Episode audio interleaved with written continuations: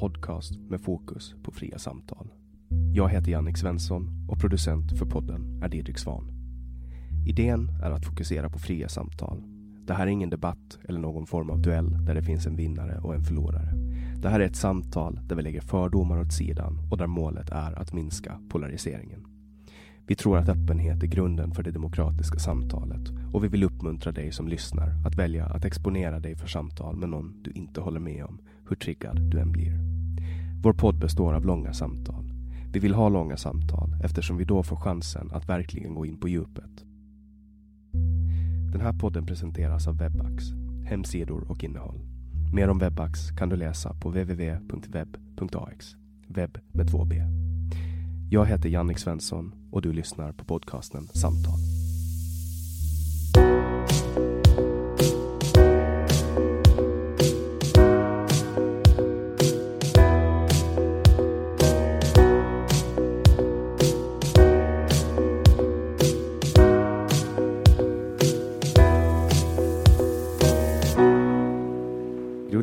Är Sunkhaks ägare, artistbokare och dagdrivare. Han är tandlös, tjock och trevlig. Du finner honom som oftast kränga billig öl bakom baren på Pubettan som han tog över 2017. Hej Grulle! Tjena! Uh, tandlös, tjock och trevlig sa jag. Det är ju ord som, som kom från dig. Jag, jag vill ju gärna, ogärna sätta epiteter på folk på det sättet. Men... Ja, vi, får, vi får väl ändra till otrevlig vid tillfälle också. Ja, mitt rättstavningsprogram gjorde ju faktiskt det. Ville ändra den till otrevlig, men jag, jag har ju alltid upplevt dig som trevlig. Eh, men du jobbar som artistbokare hur länge som helst på Dinos? Uh, nu var det ganska många år. Jag har dålig koll på år faktiskt. Jag var diskare på Rosella också. Du var diskare på Rosella, artistbokare på Dinos och sen köpte du Ålands enda sunkhak. Ja, absolut. Och det liksom vill du föra vidare för kommande generationer? Ja, det tycker jag. Alltså, jag, jag, hade, jag har alltid haft en eh, liten sån här dröm om att ha ett litet sånt här, alltså har man varit runt i Tyskland i massa liksom småstäder och sånt, då finns det alltid ett sånt här, åtminstone ett litet i varje stad där du bara kan gå in, ta en öl och träffa locals. Jag älskar sånt. Och det är ju bara ettan som har varit så. Jag köpte det faktiskt, eller köpte det, jag eh, stannade Håkan Helén på eh, Kantarellens parkering. Och så, för då hade jag hört att han har sålt det. Eh, och då sa jag att har du, har du sålt ettan? Nej, ja, men då kommer jag in imorgon. Och sen gick det ganska snabbt. Mm. Och, och det här, var det här liksom en, ett, ett spontant infall som du bara Ja, det, jag skulle säga att det är rätt spontant faktiskt. Och sen ibland kommer man till den här insikten att man vill göra något åt sig själv, för sig själv, jobba för sig själv. Det är roligare, det är ju bara så. Men du hade ingen erfarenhet av, av eh, företagande innan? Nej, nej, nej, nej. Det var, alltså, det var nog ångest de där första veckorna, månaderna, när man inte hade riktigt koll. Men det är ändå så pass litet företag att det är ganska lätt att komma in i. Jag, jag blev ju extremt förvånad, för jag läste om det i tidningen och sen, sen var jag här någon, någon helg och så gick jag förbi. så var det så, så jävla mycket människor att folk typ stod helt utklämda på trappan och jag bara, vad fan är det som har hänt liksom? Så var det något band som spelade där inne. Det har ju blivit ett, ett ordentligt lyft sen, sen du tog över. Jag är jättenöjd faktiskt. Eh, det är över all förväntan. Eh, och har blivit ganska exakt det jag ville, att man kommer dit, tar någon öl och går vidare. Sen är det klart att du kan sitta kvar, men ett sånt här ställe där man kanske inte, folk går ut så jävla sent. Det är liksom, folk går ut vid 12, 1 liksom. Nu märker jag att jag får folk vid i alla fall 9, 10 som får ju räknas som extremt tidigt på den här ön. Ja. Och sen, jo, jag har en annan publik och lite konserter och sånt. Det, det gör sitt, absolut. För, för det roliga med, med Pubettan är ju att det har varit ett ställe för, för människor som inte riktigt har kommit in någon annanstans. På någon absolut, så är det. Jo, det har inte varit tillräckligt eh, rent för, för folk. Eller jag, jag var ju väl medveten om, om, om dess rykte när jag köpte det. Och jag gjorde ju typ lite marknadsundersökning under hösten innan och var dit och, och kolla liksom. Men samtidigt ska man komma ihåg att många av de där som man trodde att var där. Många av dem är ju under jord. Mm. Eh, det var inte så mycket sånt folk. Eh, och sen de har väl, när det kommer mycket annat folk, då blir ju de nu mitt i allt lite obekväma Mm. och kanske inte vill vara där längre. Ja, det var ju deras ställe. Ja, och sen så är jag så att man får några chanser, men sen är det tack och hej. Mm. Det, så, så enkelt är det. Det var inte som gamla goda tider med biljardbordet, tänker jag på. Eh, nej, Alla har väl hört, alla på Åland i alla fall har hört historien om biljardbordet. Jo, och det här är ju en eh, historia som jag har fått höra och måste återberätta. Jag var inte där då, men att någon har skitit på biljardbordet någon gång, säkerligen. Säkerligen. Men den här bajskorvs eh, historien ut i baren är väl egentligen originalet. Att någon har bajsat, varit väldigt nöjd över sin korv, tagit den i ett papper och gått ut i baren och visat den till sin polare varav eh, bartendern då har sagt eh, gör du det där en gång till så åker du ut. Det är den, det är den jag har hört. Ja. Men sen visar sig att det där har hänt på biljardbordet då.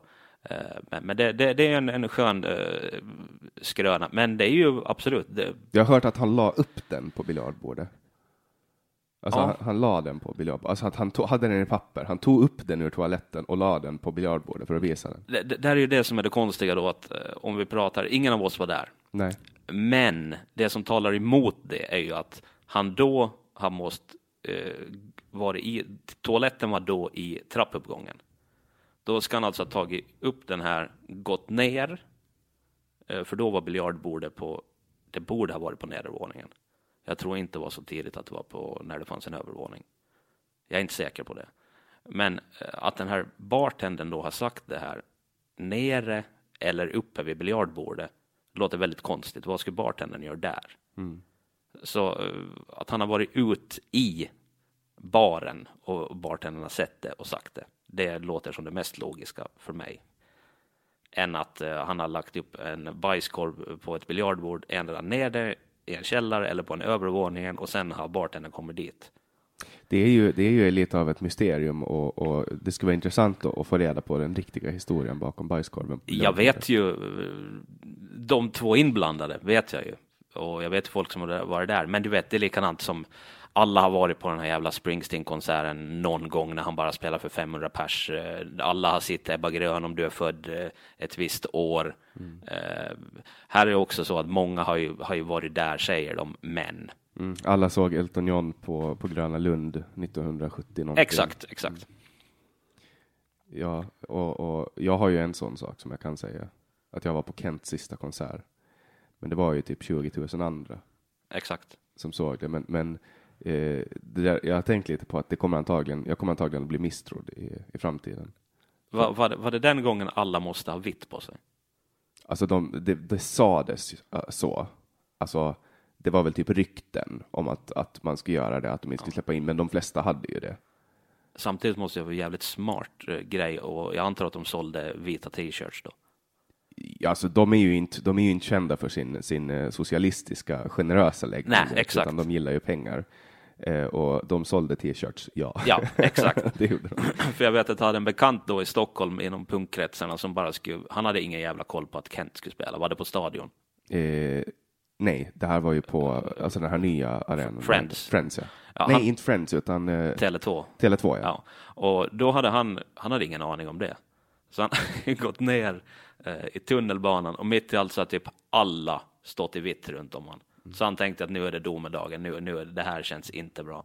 Ja, Det var ju något tåg som gick också före. Aha, okej. Och då hade alla nog vitt och var målade i ansikte och höll på med några jävla grejer. Så, så det, det var alltså, men det är ju också en sån här modern, modern legend och, och det, var, det, var lite, det var lite spännande. Men kollar man till exempel på hur det gick för Swedish House Mafia som eh, förkunna att de aldrig mer skulle spela och så sålde de slut typ så här, tre dagar i rad och fick in massa pengar och sålde skitmycket och gick, upp på alla chart och sen tog de ledigt i några år och sen bara Alltså jag, jag, jag fattar inte med hela den där grejen. Jag är ju...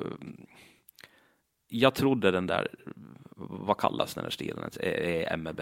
Electronic Dance Music. Okej.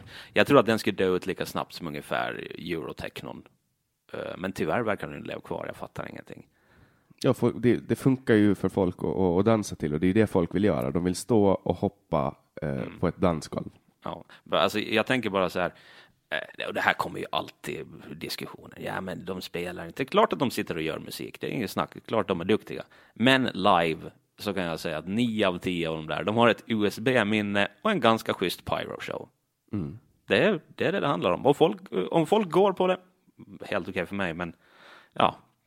Eh, Du och jag ska också kunna hyra in en jävla fet eh, show med massa eh, rökgrejer och konfetti. Det är inget problem. Men man, se- sen, sen ska man ju skrika saker mellan, mellan låtarna som Ja, men det klarar jag. clap your hands och, Exakt. och, och sådana saker.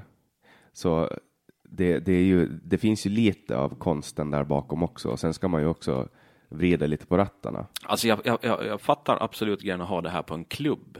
Men att, det, eh, och så, men att liksom folk far på typ liksom, ja men typ jättearenor för att se en snubbe vid en laptop och, och, och en stor pyro show, det, det hänger jag inga med på faktiskt. Alltså, men det, mycket har nog med förväntningarna att göra, för det är alltid förväntningar som gör en bra fest. Alltså desto mer förväntansfulla fol- folk är inför en fest eh, och desto mer hypad den är, desto bättre blir den ju. Jo, ja, visst. För det är ju liksom så här expectations. Jag har varit på, på Deadmau5 var jag på.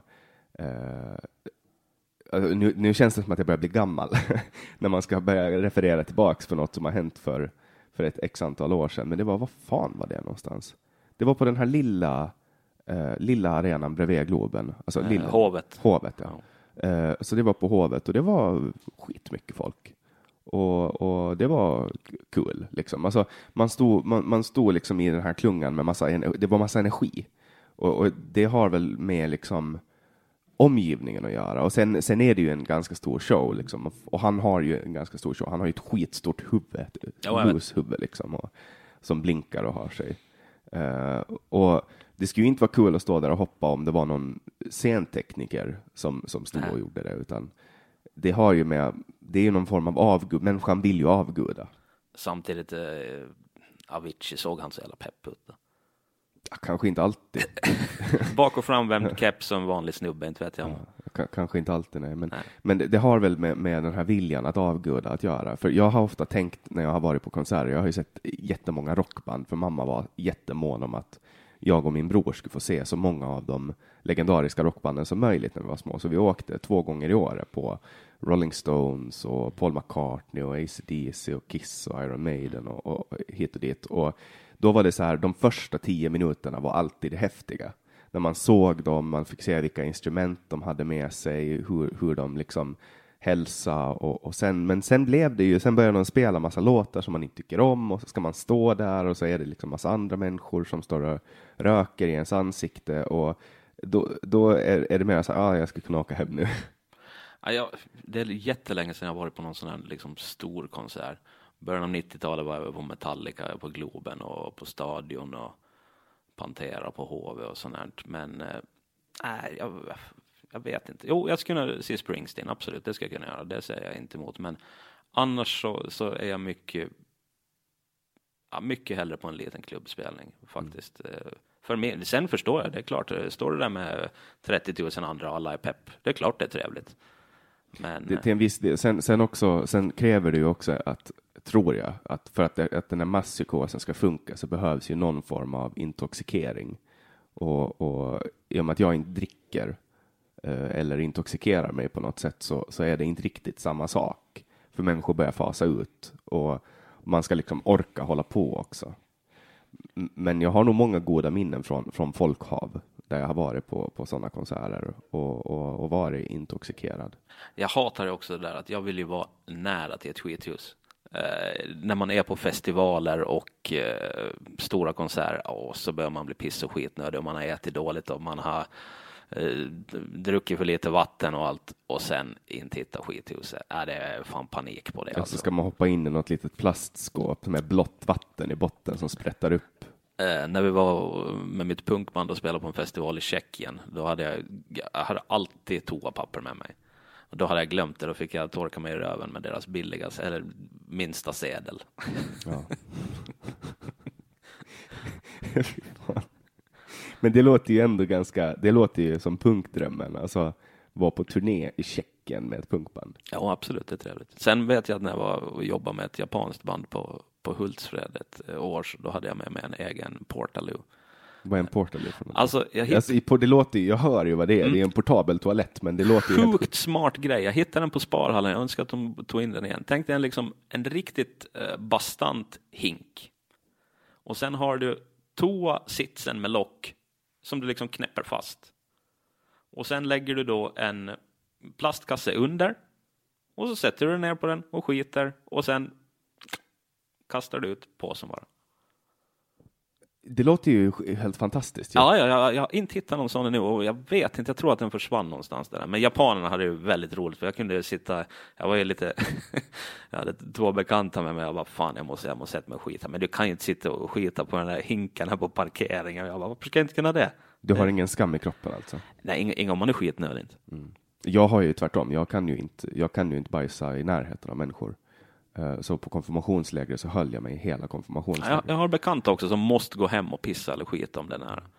Pissa kan jag göra, men, men skita jag, det, det är ett stort problem. Men jag har läst om det och det, det är faktiskt det är ett ångesttillstånd. Alltså, jag har, jag har ju en klassisk, jag måste nästan ta, försöka få fram bilderna från min gamla mobil.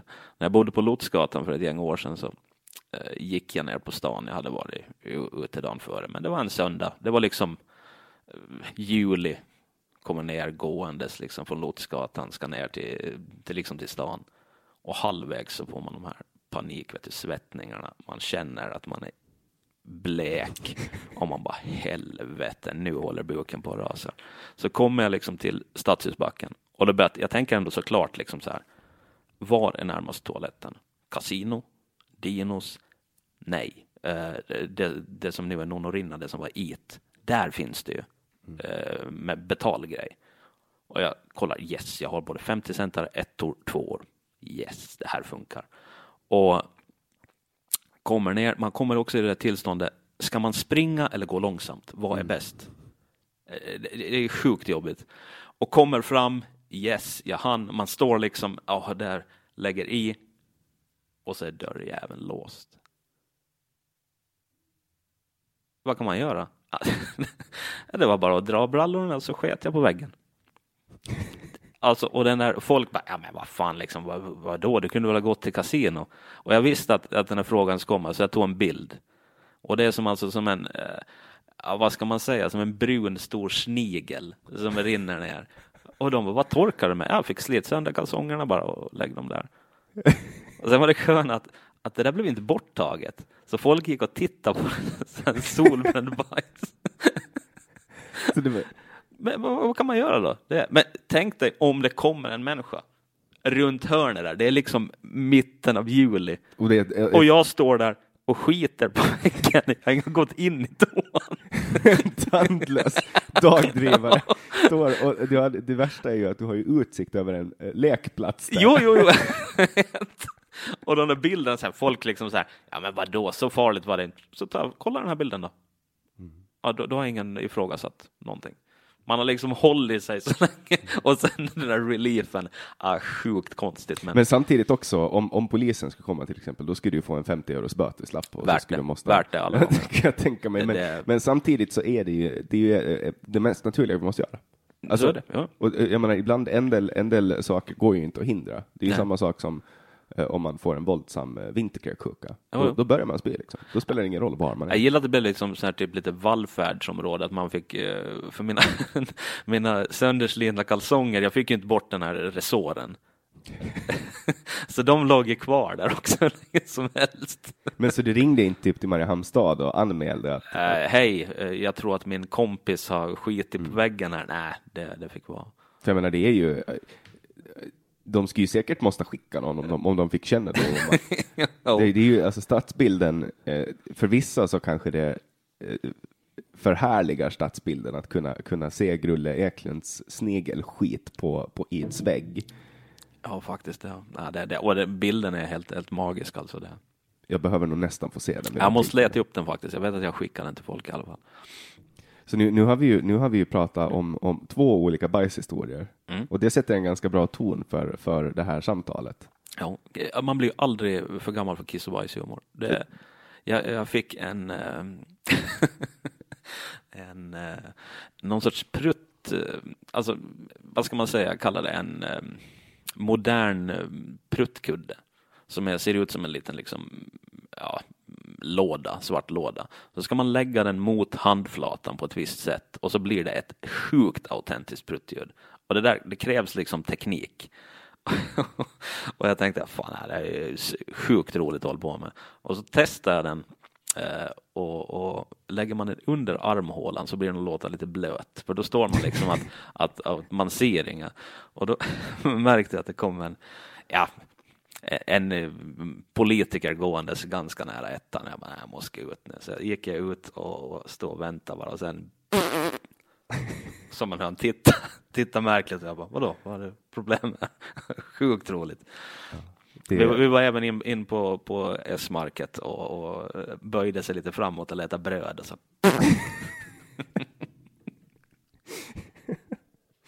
Ja, alltså. Jag kommer fan inte ihåg vad den heter, den där, för det finns en Youtube-kanal med han som har uppfunnit den. När han bara går omkring och pruttar på folk på typ Walmart och sånt. Vad är det som gör att pruttar är så roliga då? Jag vet inte faktiskt. Det, det, det, det, jag vet inte. Tror du det var roligt i tidernas begynnelse när vi var Homo sapiens? Ja, man eh, undrar ju faktiskt. Av första modell och bara någon grottmänniska prutta och alla bara När, det där är en bra grej. När blev pruttarna roliga?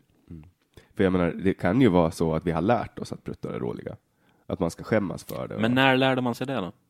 Ja, det är säkert på dagis. För att jag, jag, jag ser ju mina, min brorsa har två helt fantastiska ungar och eh, för dem är det ju inget konstigt att prutta.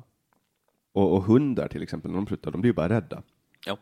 Rädda av sin egen pruttljud. Ja, de undrar vad fan är det som händer. Ja. Det är liksom alarmferomonerna går ut och bara whoop, så vänder de sig om. Det jag också eh, funderar på alltid, att om man drömmer att man är pissnödig, då är man alltid jävligt nära att piss på sig. Det är så? Ja, jag, jag, jag, det, det, är en av de här, jag har några sådana medicinska grejer jag skulle vilja svara på just det. Va, hur kommer det sig att man hostar när man petar långt in med en tops i örat? Man ska ju inte peta med tops in i örat. Nej, jag, det har jag också sagt. Så här. Men vadå, ska man gå tills det liksom ploppar ut sådana liksom vaxgrejer?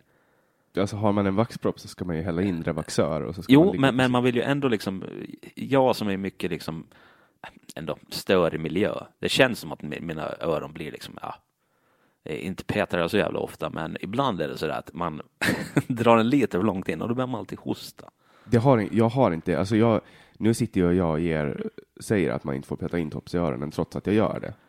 Uh, jag har liksom jag har det som daglig rutin att när jag kommer ut ur duschen så, så rengör jag mitt öra med en tops.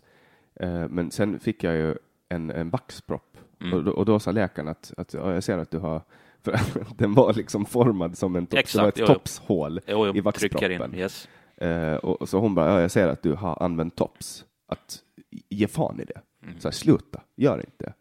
Eh, men, men om jag inte gör det, då känner jag mig obehaglig, så jag gör det fortfarande. Men jag gjorde en, en riktig jävla tabbe om det var förra veckan eller för förra veckan så, så skulle jag um, rensa mitt öra för jag fick bara någon sån psykisk grej att nu är det säkert fullt med, mm. med saker där inne. Så jag hällde i Revaxör och så låg jag på sida i en timme och så ska jag skölja. Så bubblar det bara? Ja, det bubblar jättekonstigt. Ja, det, det luktar så. Japp, jag har haft samma sak och det, ah, för fan vad, alltså just det där ljudet eh, när det har legat en stund, det blir liksom och typ knäcker och bara ja, Exakt. Och så ska jag skölja ur öronen. Med den där jävla pumpgrejen. Ja. Men då gjorde jag, då tog jag för kallt vatten. Ja, yes. Och när man sköljer öronen med för kallt vatten, då börjar man må illa. Det är som att bli sjösjuk. Mm, yes. Så då satt jag i tre timmar och kollade på South Park och var så precis på gränsen till att börja spy. Mm. Uh, och, och, det också, och det, det var ju då jag kom på, när jag satt där och mådde dåligt, att förra gången jag, jag rensade ur mitt öra, då blev jag också illamående. Så att, eh... Men jag tror också det handlar om det, blir inte så att du blir yr för att det blir för mycket tryck på trumhinnan. Man ska vara ganska lättsam med det där så att man inte liksom drar in för mycket som helst. Ja, men också att det, typ balansen sitter i örat. Ja, och det exakt. är så kanske ja. inte så jävla kul för den och helt plötsligt få massa jävla kallt vatten insprutat. Jag, jag fick ju det här eh, kristallsjukan jag haft två gånger. fan. Alltså det var så jävla konstigt. Jag jobbade på Nya Åland då och vi höll på med en, en sport eh, sån här fotbollsmagasin, man jobbar jävligt mycket. Eh, då bodde jag på Schäffersgränd och så vaknade jag, så tittade jag mot, fan jag känner mig lite märklig, så tittade jag mot dörren, så gick liksom handtaget på dörren gick upp och ner. Som det, det svävade, jag bara, äh, fan det här är inget bra, att jag, jag lägger mig någon timme till, man har väl jobbat för mycket. sen när jag skulle gå upp, det var liksom kaskadspyor, kunde inte göra någonting. Morsan fick skjutsa mig till akuten. Jag bara, nej, nej, nej, så låg man där, är, är allt bra? Jo, jag ska bara gå på toaletten. Bara, och sen fick man ju ligga tills de där krälar sig på rätt liksom. Fanns inget. Jag har bara haft det två gånger, men det, det var fan inget roligt alltså. Hur länge höll du på det? Det var nog fan två, tre dagar som jag nästan låg ner. Kun, kunde du ligga ner då? Alltså? Ja, li- ligga ner, jo, men ställer du upp så var balansen helt borta alltså. För, för jag hade ju en, en grej, alltså att, att allting började gunga för mig. För, och det var en tid när jag stressade extremt mycket. Mm. Jag sjukt mycket press på jobbet och jag bodde i Stockholm. Och eh, Det var som att jag var på en färja, fast på en färja. Mm. Och det var typ det vidrigaste jag varit med om. Och de fattade inte vad det var. Eh, det var ju då som de började kolla efter den här vaxproppen. Alltså Mm. började kolla i öronen. För- att det var inte kristallsjuka, men, Nej. men de höll på ändå. De bara, men det måste ha något med öronen att göra. Mm. Men det kröp fram sen att det var, det var ångest. Alltså, Mm. jag blev så mycket stressad så att ångesten tog sig fysisk form. Ja, jag, jag, jag hade ju... Eh, förra sommaren så jobbade jag jävligt mycket. Det är kul att jobba åt sig själv. Men man vet inte heller liksom att eh, när är det för mycket.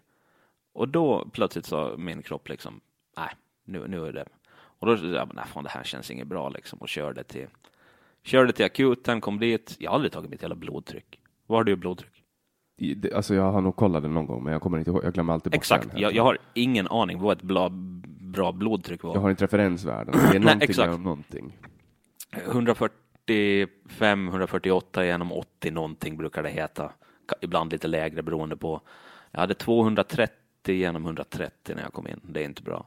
Och då fick jag, ja, jag hamnade in liksom dit och de kollade upp mig och nej men det är liksom Eh, eh, de trodde jag hade högt, högt blodtryck bara liksom. Ja, ja, det ligger i familjen, det är väl, det är väl så.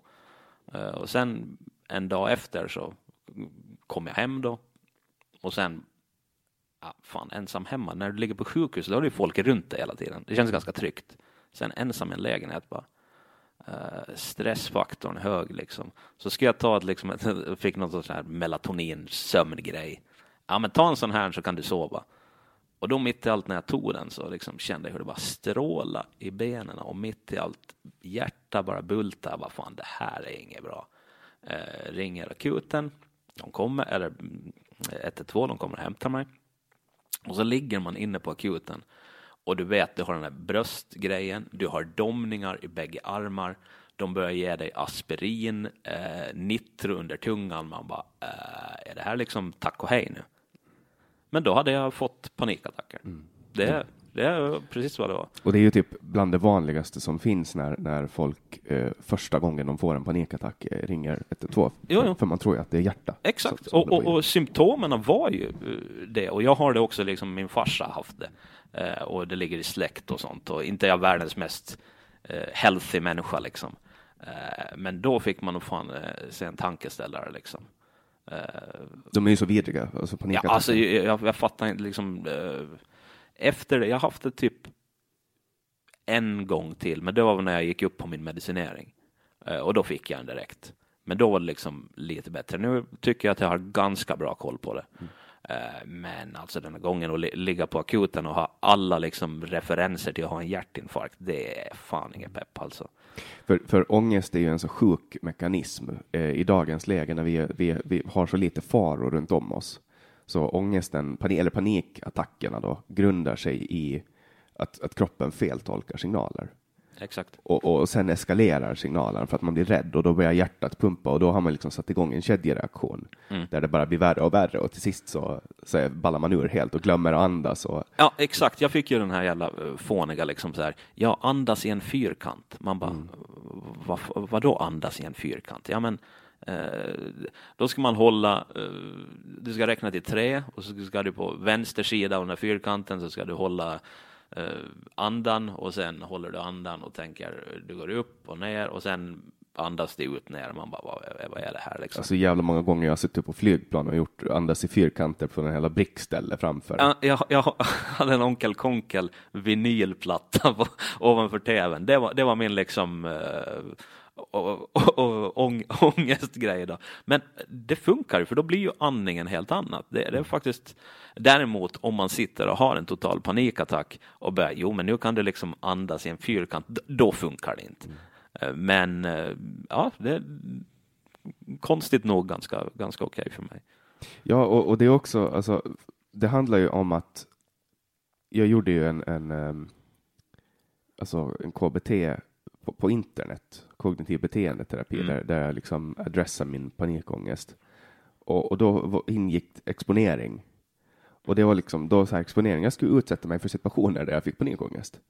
Och, och det var så här, eh, då, var det liksom att trigga panikångesten tillräckligt många gånger. Mm. Alltså det som, som jämfört med att ett banalt jävla exempel är att åka rutschkanan på Mariebad.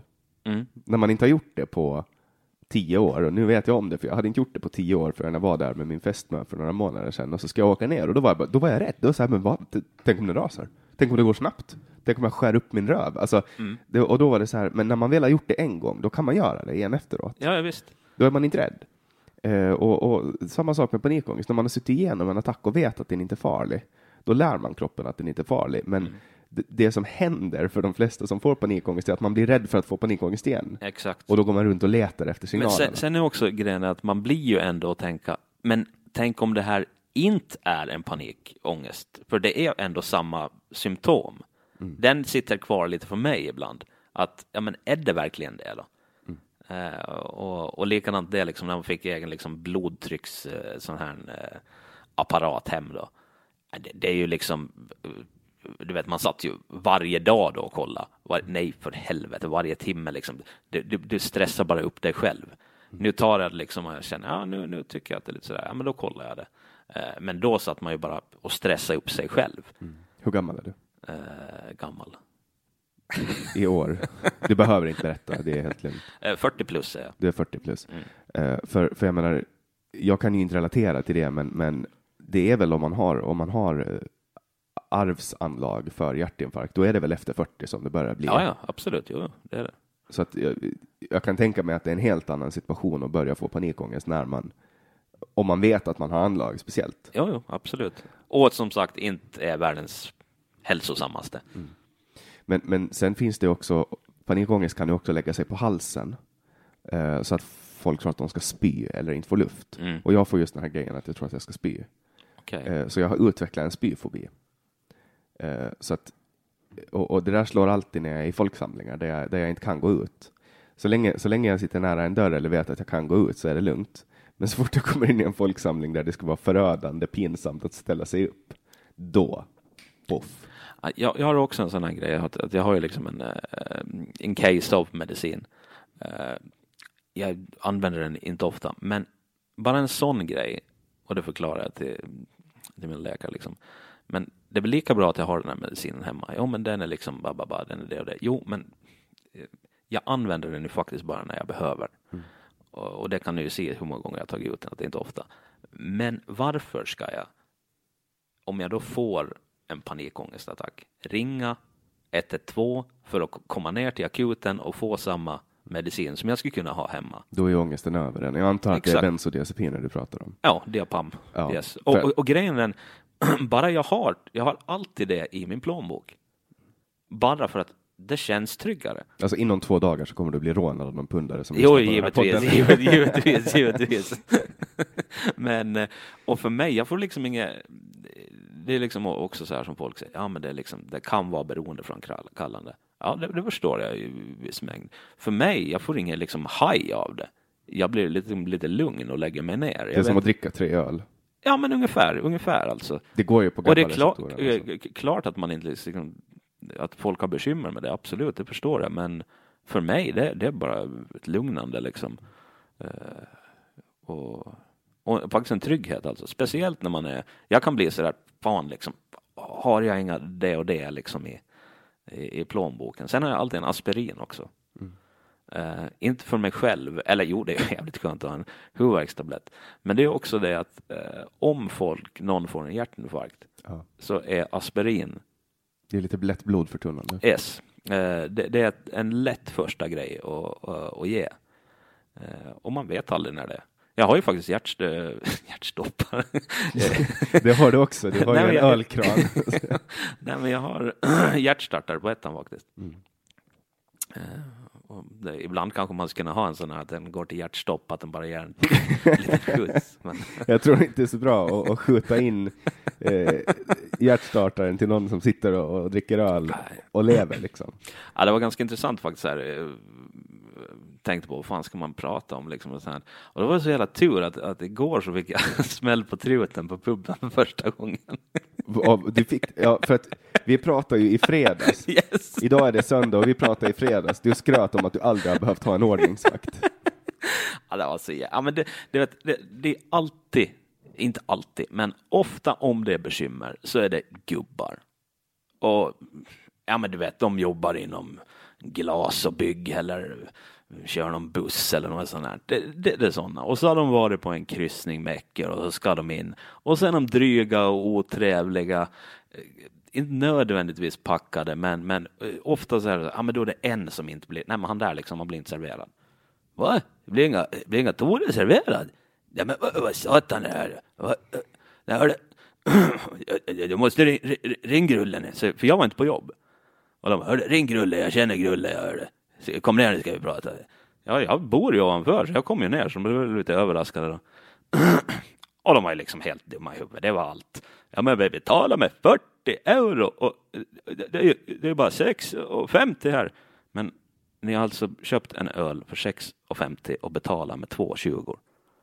Det låter inte kanske riktigt logiskt. Och allt, men det, det kommer alla de här klassikerna. Ja, det här ska vi nog prata med mina polare. Satan vad dåligt det här. är. Och Andrena då så, så höll ju på att truga länge. Och man, man håller sig till en viss gräns. Jag har en ganska liksom, hög sån här, toleransnivå. Men sen när man liksom har sagt till 10-15 gånger liksom att nej, nu fan får det vara bra. Så då tog jag tag i det här och, och liksom eh, Eh, ja, nu, nu får det gå. Och tog i han lite, knuffade framåt och då mitt i allt fick jag en höger på, på, på kinden. och ja, som tur var, han var ju dvärgstorlek så det, det, var ju, det, det gjorde ingenting, det är ingen fara med mig. Eh, men där, då hamnar man i den här situationen också, att jag hade en bekant där som liksom lite brottade ner han. Och då stod jag liksom ovanför och man är liksom adrenalinfylld och jag bara, jag ha, tror jag varit ett slagsmål i hela mitt liv. Jag, är- fan, mina armar är ju som liksom bebis. Jag har ju ingen eh, styrka i armarna. Men jag vet att slår man mot näsan, då syns det. Inte bara det att det blöder, du blir blå under bägge ögonen, då syns det att du har fått spö. Men då kommer jag på, nej fan det här kan jag liksom inte, eh, jag, jag hann hindra mig och det var ju bra. Du kan ju tänka dig liksom så här, eh, nyhetsrubrik på, på nyan liksom. Eh, Självutnämnd eh, pubmogul knäckte näsan på, på eh, liksom bu busschaffis i dvärgformat. Det, liksom, det, det, det skulle inte vara så bra.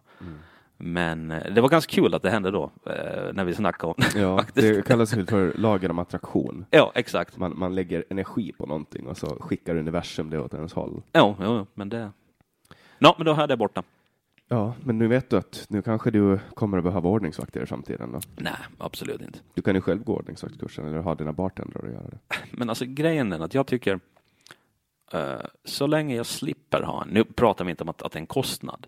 Jag tycker att jag har haft vakt under sommaren någon gång när jag vet att det är jättemycket folk. Det handlar mest om att hålla koll ute. Att inte- Lägg typ sånt. lägg och att folk inte försvinner med öl. Det är liksom det. Servering och sånt, det är inga bekymmer. Eh, Men sen känslan att bara ha en vakt stå där när det är så litet. Det, det blir nästan mer en provokation på något sätt.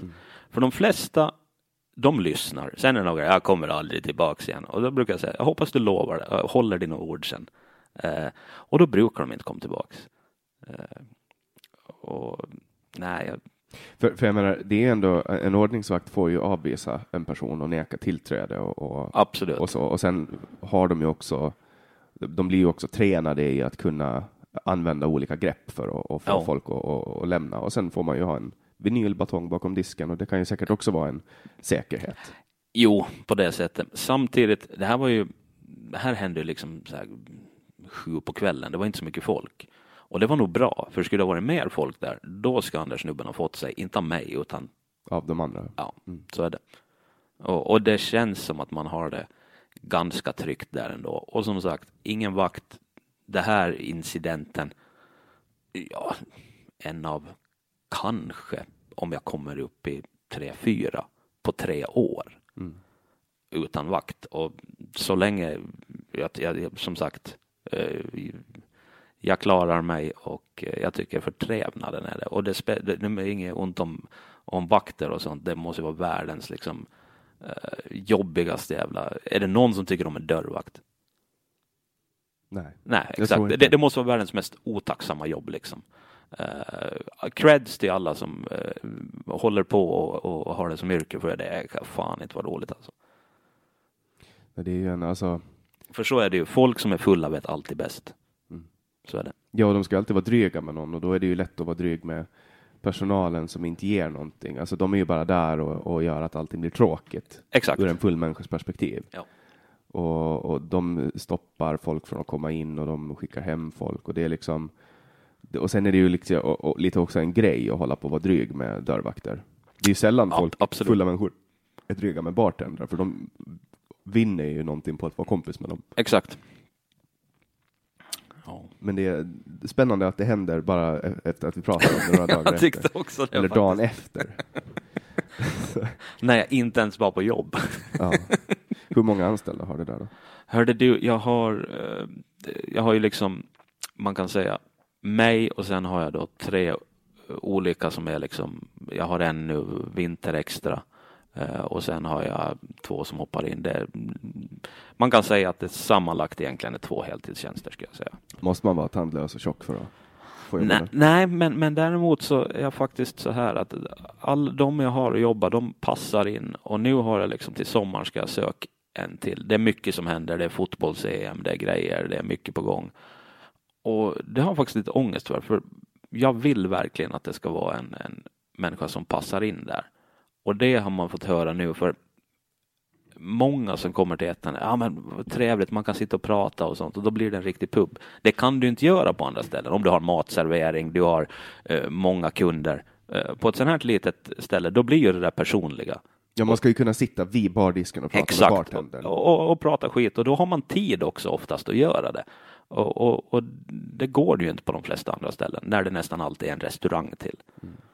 Ja, det ska ju vara som i, i, på amerikanska filmer, att man går ut ensam och så sätter man sig vid bardisken och så frågar bartendern om man vill dränka sina sorger och så pratar man med bartendern och, Mm. och det, så blir det han lite som en katolsk eh, biskop som tar emot, vad heter det, bikt. Mm.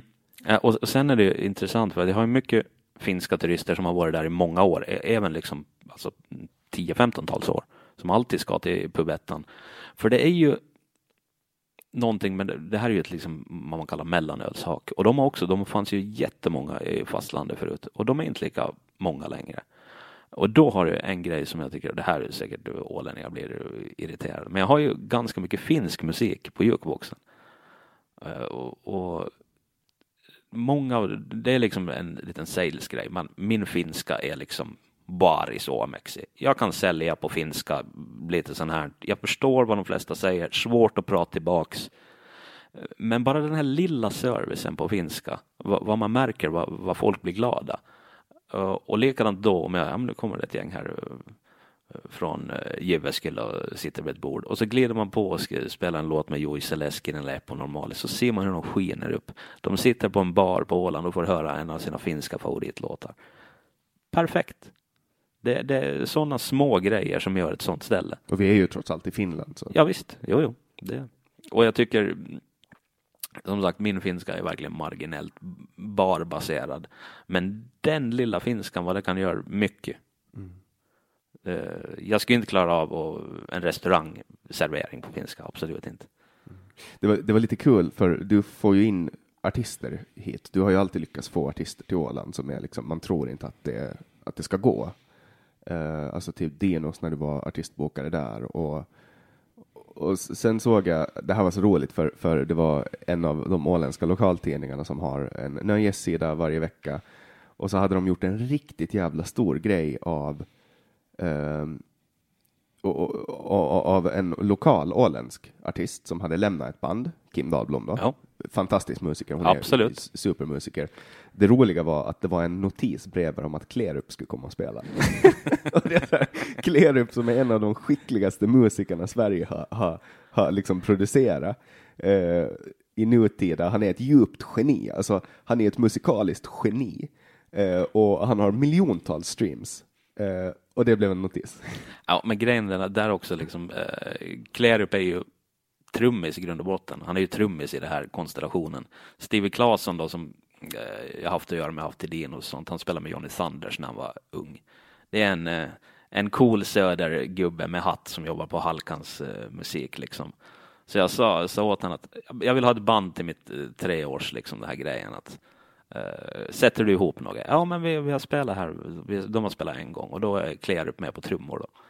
Uh, så det, det kommer bli det är bra, bra gubbgäng, men det är ju liksom ingen Inget Klerup-gig. Nej, nej, men han är ju fortfarande, Ja, alltså, absolut. han är ju ett, alltså en, en vandrande mu musikalisk ikon Absolut. som alla borde veta vem är för, Jo, att, han är, för att han är så jävla bra. Så är det. Och, och skulle inte han ha sån al alternativ musikstil så skulle han nå, alltså om han skulle välja att vara kommersiell så skulle han bli alltså Mm. super, super, superstor. Och det, det måste jag säga att som, som folk eh, klagar mycket på, ja men det händer ingenting. Alltså på riktigt, det här är en liten skitstad.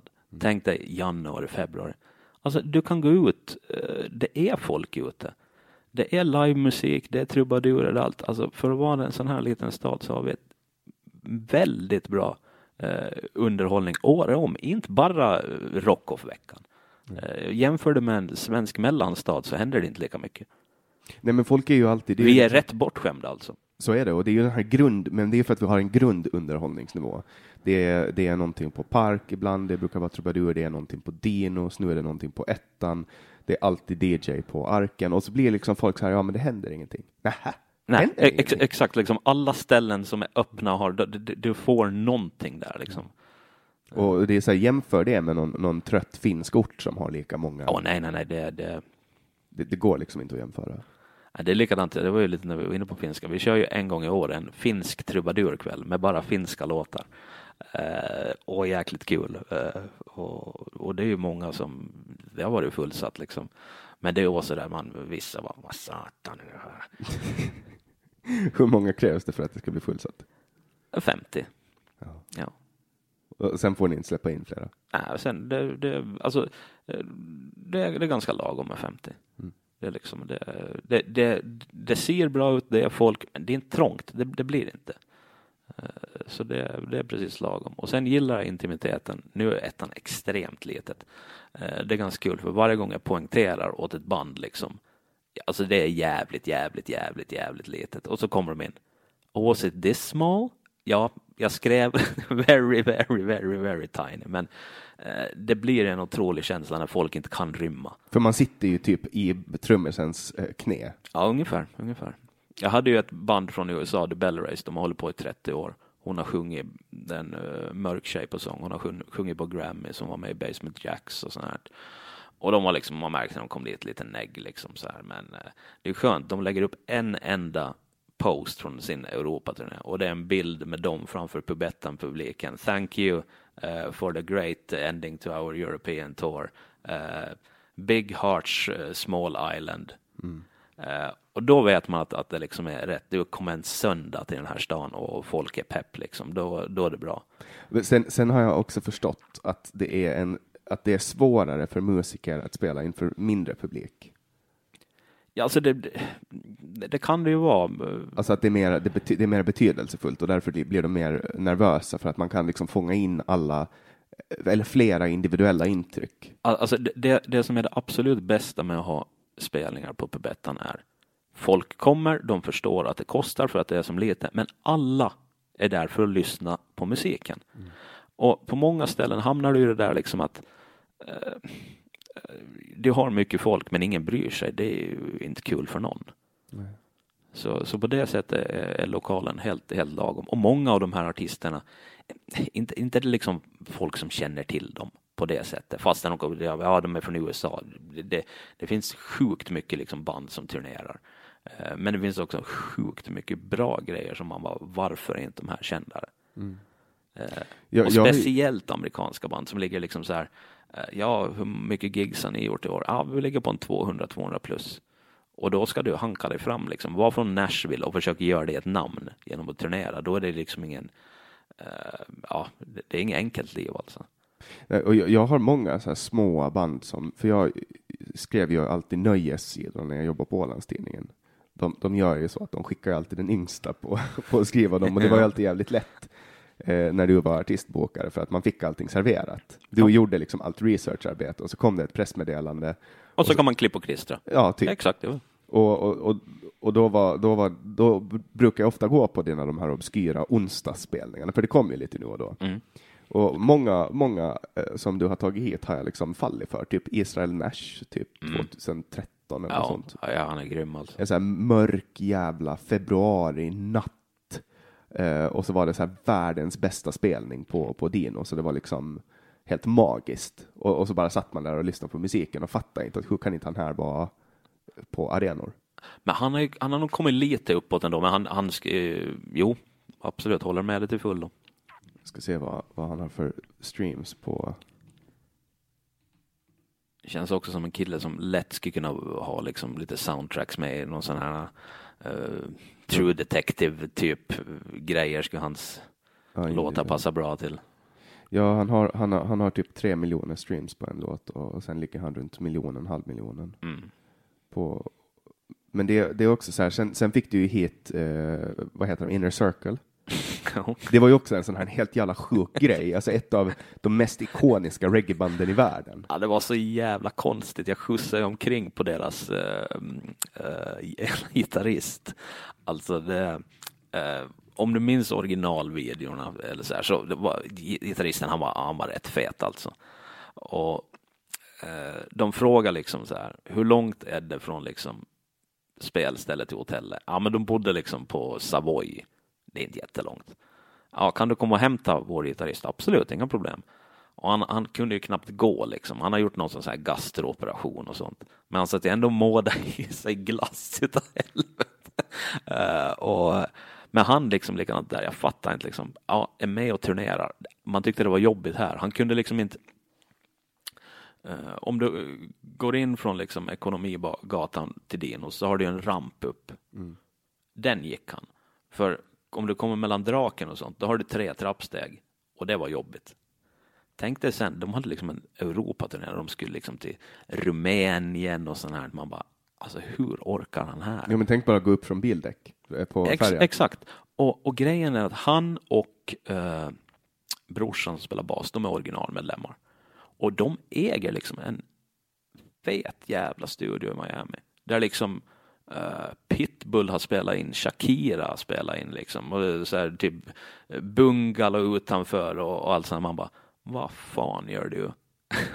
och, och spela i Mariehamn, Örebro och göra så här. Ja, då måste man väl på något sätt vara jävligt dedikerad i alla fall. Ja, men tycker om det. Alltså, kolla, nu kollar jag på Spotify. 125 miljoner streams har uh, Sweat mm. och Bad Boys har 70 miljoner. Mm. Och, och, och, det är liksom, det är de de är kända för. Och sen, sen ska sägas, de, all jävla cred. De, de ska ju klara av att göra det där med mycket backtracks och sånt. Allt live. Mm. Allt liksom. Och svinbra liksom musiker. Eh, klockrent liksom. Vad är det för andra coola band du har haft? Nej, vet jag om jag orkar listan. Men ta något exempel, för jag vet att det finns flera. Men... Alltså när, när vi började eh, på Bastion och tog ditt band så var vi en grupp eh, människor där som var väldigt på och ville göra grejs. Då hade vi ju José Gonzales när han precis ja. slog till exempel. Alltså typ innan han gjorde tracks till Red Dead Redemption. Ja, alltså när den här, uh, vad heter den? Men var inte det på Alvas han spelade? Ja, vi arrade sen, jag och Juje, på Alvas också efter, men då hade den blivit ännu större. Men först hade vi han solo på, på bastun. Ja, men den här Äh, The Knife-covern. Som sen blev Sony bilreklam. Heartbeats? Ja, exakt. Mm. Och då hade han liksom slagit med den, men vi, jag tror gage var 400 euro om jag inte minns helt fel. för, för det är också, han är ju också extremt stor. Han har 125 eh, miljoner, 275 miljoner, 70 miljoner på, på... Ja, och, och han också liksom världens softaste snubbe. Han, han, vi hade något sorts litet konstigt eh, skynke i taket där ovanför så att det skulle bli lite bättre resonans. Uh, han bara, ja men det är precis likadant eh, täcke som min morsa hade hemma på stugan ungefär och sånt. Uh, och... För första, första gången jag hörde José González, det var när jag, jag spelade Red Dead Redemption 1 på Playstation 3. Och, och det här spelet utspelar sig i vilda västern i, precis i, i, början på 1900-talet. Uh, när när uh, vilda västern håller på att dö ut och så är man, man är en cowboy och det här var ju liksom grafiken då, det här var typ 2010. Så grafiken då i det här spelet var helt stunning. Man kunde liksom inte tro det. Och så rider man på sin häst och, och helt plötsligt så när man ska rida över till Mexiko så börjar hästen rida långsammare och så liksom stiger solen upp bakom ett eh, berg och så, och så börjar eh, Far Away spelas. Mm. Och det var bara en sån här extrem spelupplevelse och de vann ju massa priser, Red Dead, för att de använde så bra musik och det var just José González som, som liksom lyfte upp allting med den där närvaron som, som han har när han spelar gitarr och sjunger. Det är helt sinnessjukt. Han spelar löjligt bra gitarr, alltså. Det låter ju verkligen som två gitarrer. Däremot har jag för mig att, att han egentligen eh, härmar en sydamerikansk eh, artist. Mm. Eh, jag minns inte exakt hur det var. Sen har du pratat om tv-spel. Jag, jag, är rätt säker på att jag hade den första 8-bits Nintendon i Godby eller på norra Åland. och, och, det var jävligt skönt för jag minns det än idag när jag liksom köpte den. Det var Ice Climber tror jag kom med. Sen köpte jag Super Mario Bros förstås. Mike Tysons Punch Out, sjukt roligt. Och guldkassetten eh, Link Zelda 2. Mm. Och så provspelade lite på kvällen och sen bjöd jag in polarna. Kolla, kolla nu grabbar. Så la man in eh, Super Mario så tryckte man på power och alla bara men alltså, man, man måste inte vänta, det är bara att spela. Det är bara att spela. För de har suttit med de jävla eh, Commodore 64 kassetterna. Du måste ha en super turbo kassett för att ladda in och sen skulle du ladda. Du, du fick, kunde ju vänta en halvtimme, en timme ibland. Och nu var det bara att spela. Sen satt man i Mike Tysons punch-out. Folk liksom stod ju liksom som fågelholk runt. Shit, liksom, vad är det här? Och sen la man i Zelda 2. Och alla som var där var liksom, ja, det här är det snyggaste och det bästa som någonsin har gjorts. Hur ska de kunna göra något snyggare än det här? Ja. Och ser man på det spelet idag så är det ju fantastiskt alltså. Ja, men nu, det var ju också bara så här när, när GTA 3 släpptes. Uh, och det var så här 3D och de hade byggt en stad och man bara, det, det här, det här är sjukt. Alltså jag, jag har gjort så att jag, jag, jag spelar fram till typ första Playstation. Men då blev det för mycket, eh, då blev det för mycket för mig att jag tyckte att det här blir det är inte tv-spel längre för mig. Jag vill ha den liksom arkadkänslan. Uh, nu är det för mycket det videogrejer och sånt. Jag har inte, ja, som sagt, jag tror inte jag spelar, ja möjligtvis någon sån där Singstar eller något sånt. Uh, men inget liksom spel överhuvudtaget. Mm. Jag har ju fortfarande en tendens att gömma mig i spelens värld, men jag växte upp med det det var ju ett sätt att, att för mig och, alltså jag har ju fått ut väldigt mycket av det. Jag är född 94. Så jag, och, så, så jag lärde ju mig engelska eh, genom att spela och satt och pratade med folk. Man träffade någon främling och så satt man och pratade med dem. Jag har ju folk som jag har spelat med alltså online i 15 år. Mm. Alltså som jag har kontakt med, som jag har kompis med på Facebook och skriver med och det blir liksom uh, det blir någon sån här grej. Uh, och det är nog ganska svårt att förklara det för någon uh, äldre som, som inte har liksom växt upp med det. Mm. Uh, men sen spelar jag nu spelar jag ibland spelar World of Warcraft med en snubbe som är 75. Han sitter och pratar och, på, på Discord och det är skittrevligt liksom. Uh, men det, det, är jävligt svårt att förklara för, för någon. Ja, det är likadant att förklara. Jag var ju liksom mycket med i uh, samlat skräckfilmer när jag var liksom, gick i högstadiet. Eh, och då var det ju en sån tid när censuren var jävligt hård i Sverige. Allting klipptes ner. Och då var ju grejen att man tape-trada med folk i eh, England eller Holland. Och då satt man och väntade varje dag. Shit, liksom, nu har jag paket i posten. Och så satt man och såg någon åttonde generationens kopia, liksom, bara skrapa och sånt, men man var nöjd. Eh, det var också en jävligt kul tid alltså. Men, men när, jag, när jag bokade in dig här så sa du att, att ditt enda specialintresse är italiensk sagoporr från 90-talet. Det var ju faktiskt så att många skräckfilmsregissörer, italienare, så, som gjorde splatter och sånt, så gjorde sedermera porr. Och då kom det ju en, en nisch som var sagoporr ett tag. Eh, och det var väldigt intressant på det sättet för att på den tiden du kunde ju se om det var en porrproduktion. Alltså om du, tio sekunder, det här är porr. Fast den inte hände något så visste jag att det var porr för det var så dåligt. Mm.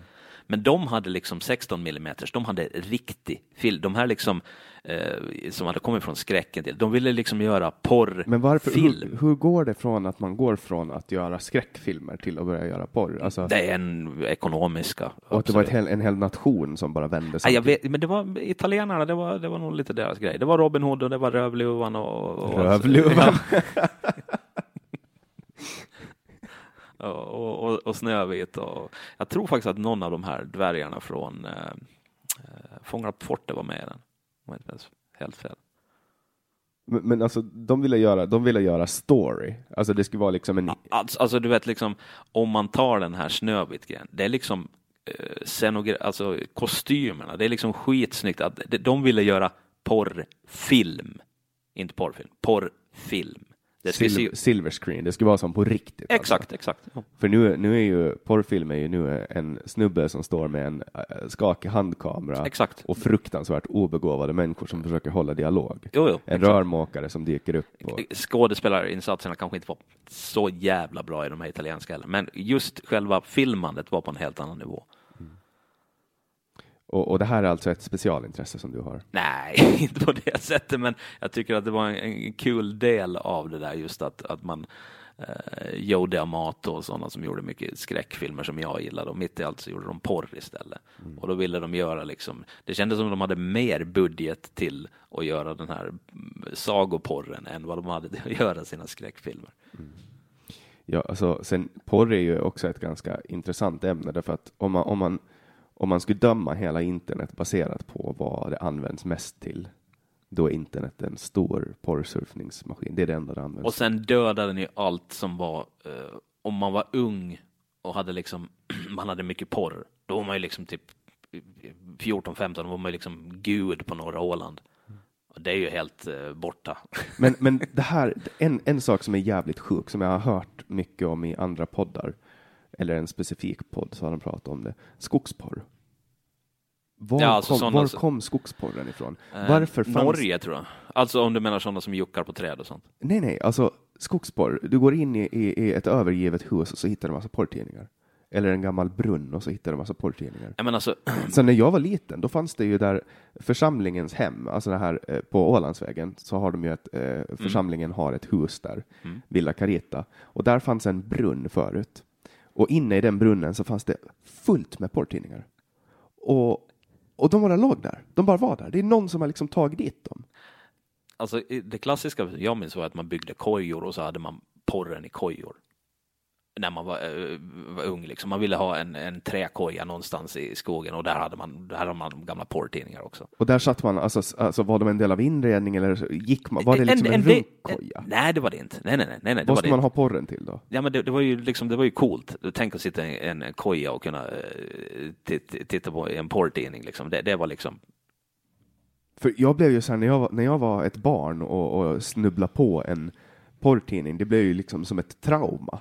Man blir ju så chockad så att det var ju liksom så här, men herregud, vad gör hon? Vad håller de på med? Men ska han? Nej, men alltså, det var ju liksom, det, det blev ju en mindfuck på totalen alltså. Och då, jag, jag förstår inte den här grejen med, för att jag växte ju upp med, internetporren fanns ju när jag växte upp. exakt, ja. Men för er så var ju det där, alltså, ni kunde ju inte upptäcka. Nej, du vet, likadant det här eh, idag, då, ja, men då kan du bara klicka in. Eh, Den här tiden när, den här ångesten om du skulle ja, fan, gå och hyra en porrfilm i Mariehamn på typ Veckoteket. Det, det var inte lätt alltså. Nej. Men, men, men sen, sen kom väl, kan jag tänka mig, en punkt för jag, där, där eh, viljan att se på porren översteg integritetskränkningen. Så är det nog. Så är det nog. för för jag, var ju, jag var ju liten då eh, när ekoteket fanns och då var det ju alltid obskyra personer som smög runt där inne Yes, i bakrummet. Eh, när man själv skulle hyra och de kom ju inte ut förrän man själv hade gått ut. Alltså, jag hade en tjejbekant som jobbade på uh, Video Corner förut. Det var nog ändå DVD. Nej, det var nog VHS-tid tror jag. Eller kan det vara det? Ja, någon sak samma. Och då kom jag in och skulle prata med henne och kom det in en liten gubbe där. Ja, Oh, tjena, tjena. Så gick han runt, han gick liksom till nyhets, eh, den här eh, listan och kollade, tog han ner en film så här, läste ganska ingående. Ja, kanske den här. Mm, nej, nej, nej. Så går han runt lite till komedihyllan, tar ner en film. Mm, den här kanske. Nej, nickade var nog ingenting. Och sen när han kommit runt hela varvet snabbt så helvete in i det här bakrummet Han täckte sig inga liksom gå direkt dit, utan han ville liksom när det var någon annan, ja, han, liksom, ja kanske man ska ta en, en, en ny drama. Nej, det, det, det, var det blir nog ett runk ikväll. Exakt! han gjorde det jävligt snyggt. Men sen också så här, de, att, att hantera de här filmerna efteråt.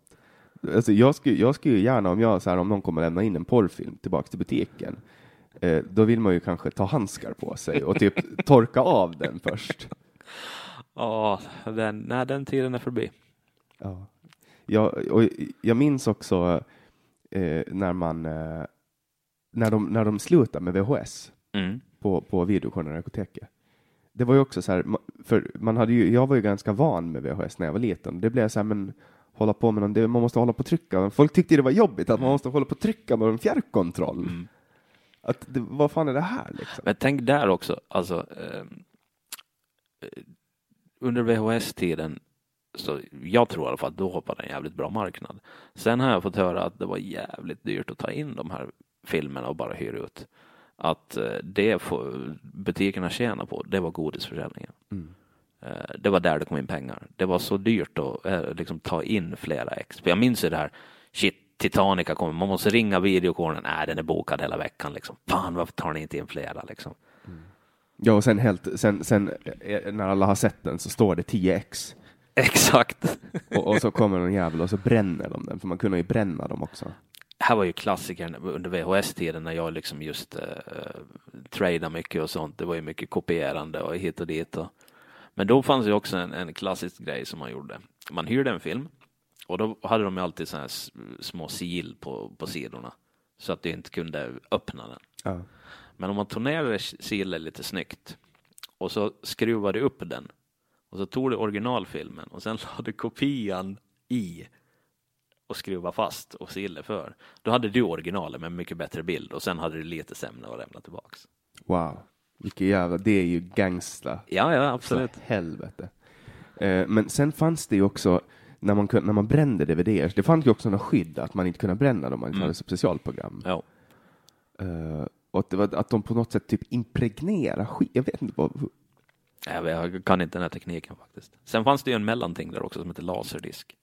Som var som vinylskivor. Som var ganska stora i Japan. Uh, som det, bland annat jag får över då köpte på Skärholmens loppmarknad. Då hade de kopierat från la, japansk laserdisk till VHS och gjort eh, fula omslag så kunde man köpa där. För, men, men, men det här var liksom inte någonting som kom hit eller? Ja, det fanns absolut folk med, med laserdiskspelare här, men det var jättedyrt. Eh, laserdisken i Danmark, det var liksom de som hade grejerna. Men det fanns sådana, många som jobbade på, på Longpart som köpte laserdisk då. Det var liksom mm, pre-DVD-grejen. Mm. jag kommer ihåg när DVD slog. Det var en jävla grej alltså. Mm. Jag, var ju, jag var ju så liten så jag brydde mig inte om bild. Av någon jävla anledning så skiter man i bild och kvalitet när man är liten. Mm. Kunna sitta och kolla på något konigt jävla skit där man inte kunde urskilja äh, karaktärsdrag men ändå så att man bara nöjde sig. Och nu är jag så här, om jag inte får, om, så här, om jag ska börja streama en film och den inte är 4K så blir jag så här, nej, jag gör något annat istället. Exakt. Jag pluggade i Ludvika 99 och då hade de en eh, filmklubb där. Och då tog de in regionsfria DVD-spelare, importerade från USA då. Eh, och då minns jag exakt att jag köpte en av dem där då och tog, tog hem till Åland och den betalade jag 7000 svenska för. Herrejävlar. och det var en helt vanlig. Uh, men då hade den faktiskt eh, DTS-ljud. Mm. Så det, och det var liksom wow då. Det var som det, det är typ bio på riktigt. Mm. Ja, och nu är, nu är ju så här, alltså DVD-filmer idag, de är ju inte... Nej, men det är likadant som alla som köpte CD-skivor. Man, vad betalar man för dem? 20 euro Exakt. Och får du en euro för dem styck idag så får du väl vara glad. Jag kommer ihåg när, när eh, jag, vänta, jag, så, jag har ju alla mina eh, idoler som jag lyssnade på när jag växte upp hade ju redan släppt alla sina skivor och har slutat för länge sedan. Men en som jag liksom följde och har följt eh, ända sedan början på 2000-talet var Bon Jovi. Så varje gång Bon Jovi släppte en ny skiva så förbokade jag den och, och, och Totte visste liksom färdigt att, att han alltid skulle boka ett ex åt mig. Uh, och då cyklade jag ner efter skolan uh, när, när jag visste att, att skivan hade kommit, eller jag cyklade ner varje dag och frågade om den hade kommit. Men då var det så här 24 euro för en ny skiva. Mm. Och, uh, och sen fanns det så här äldre skivor som man kunde betala 15 euro för. Men det man, alltså när man kollar på det idag så är det ganska, det är ganska sjukt egentligen att betala för en fil. Alltså i min, ur min perspektiv. Ja, nej, nej. Och likadant jag, liksom, jag har ju alltid varit så här, eh, jag har inte Spotify. Folk skickar Spotify-länkar, jag har inte Spotify. Eh, jag lyssnar inte så jävla mycket på musik faktiskt. Jag, lite ibland, men. Äh. Det låter typ som en konditor som inte äter bakelser. Alltså. Ja, men alltså grejen är att jag är sådär också, när jag blir erbjuden band, så jag lyssnar på allt. Eh, men sen handlar det om, kommer folk tycka om det här, det här är bra? Man, man har med åren ändå fått en ganska bra känsla för vad som är bra livemusik. Mm. För idag, vem som, inte vem som helst, men du kan ställa dig i en studio och göra grejer jävligt bra i en studio. Men det märks om du har ett band som turnerar oavbrutet. Då märks det live. Det, det, det kommer man inte ifrån. Det är rutin. Ja. Förresten, läste du den här Mange Schmidt-grejen? Nej, berätta. Uh, han köpte ju Spotify uh, streams. Uh, och tog, alltså, han, köpte, han köpte Robot Streams alltså? Ja, och, och tog upp en låt då, bara för att visa hur, hur missvisande det kan vara. Eh, och det, det tycker jag är ganska intressant, för jag, jag tycker att jag har ganska bra koll på eh, svensk musik och sånt. Och många gånger sen hör jag någon låt på radion, och här jag bara, vem fan är det här? Eh, och, och, artister som plötsligt kommer väldigt högt upp på listor som man aldrig har hört talas om. Och det är ju ett ganska lätt sätt att köpa in eh, liksom streams.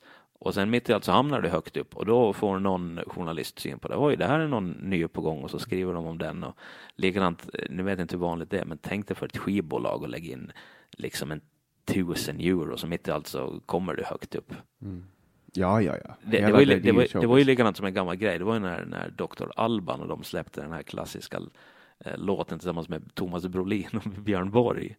Eh, sanslöst eh, dålig låt med, med en humor. Den var ju liksom etta på typ singellistan i Sverige. De skickade ut bulvaner och köpte upp så att de skulle komma upp på listorna. Ja, och det där är ju ett sätt, alltså eh, också inom alltså sociala medier och bloggar och sånt så, så pumpar man steroider in i siffrorna. Mm. Och, och, så säljer man annonser. Det är jättevanligt att, att uh, folk som säljer annonser digitalt pumpar sina siffror. Exakt. Och också då Instagram och Facebook-konton. Du ser liksom det här. Jag fick in ett. Jag får in ganska mycket tips om, om människor som jag ska ta med i podden. Och då fick jag in ett tips om, om en person som är influencer. Mm. Jag bara, jaha, influencer, det är spännande. Så här, ska jag gå in och kolla? För jag blir så här, när någon säger influencer, jag har jobbat med, med influencers, eh, marknadsföringskampanjer, och då, är det, då snackar vi människor som, som verkligen, alltså när någon, de lägger upp en annons och så är det så här 150 beställningar på tre timmar. Alltså 150 konverteringar, det, är liksom, mm. det händer saker. Så det är ju en influencer, någon som verkligen får folk att genomföra köp. Gick jag in och kollade på den här influencern hade flera tusen följare och la upp bilder när hon satt och så här posa och, och hade sig.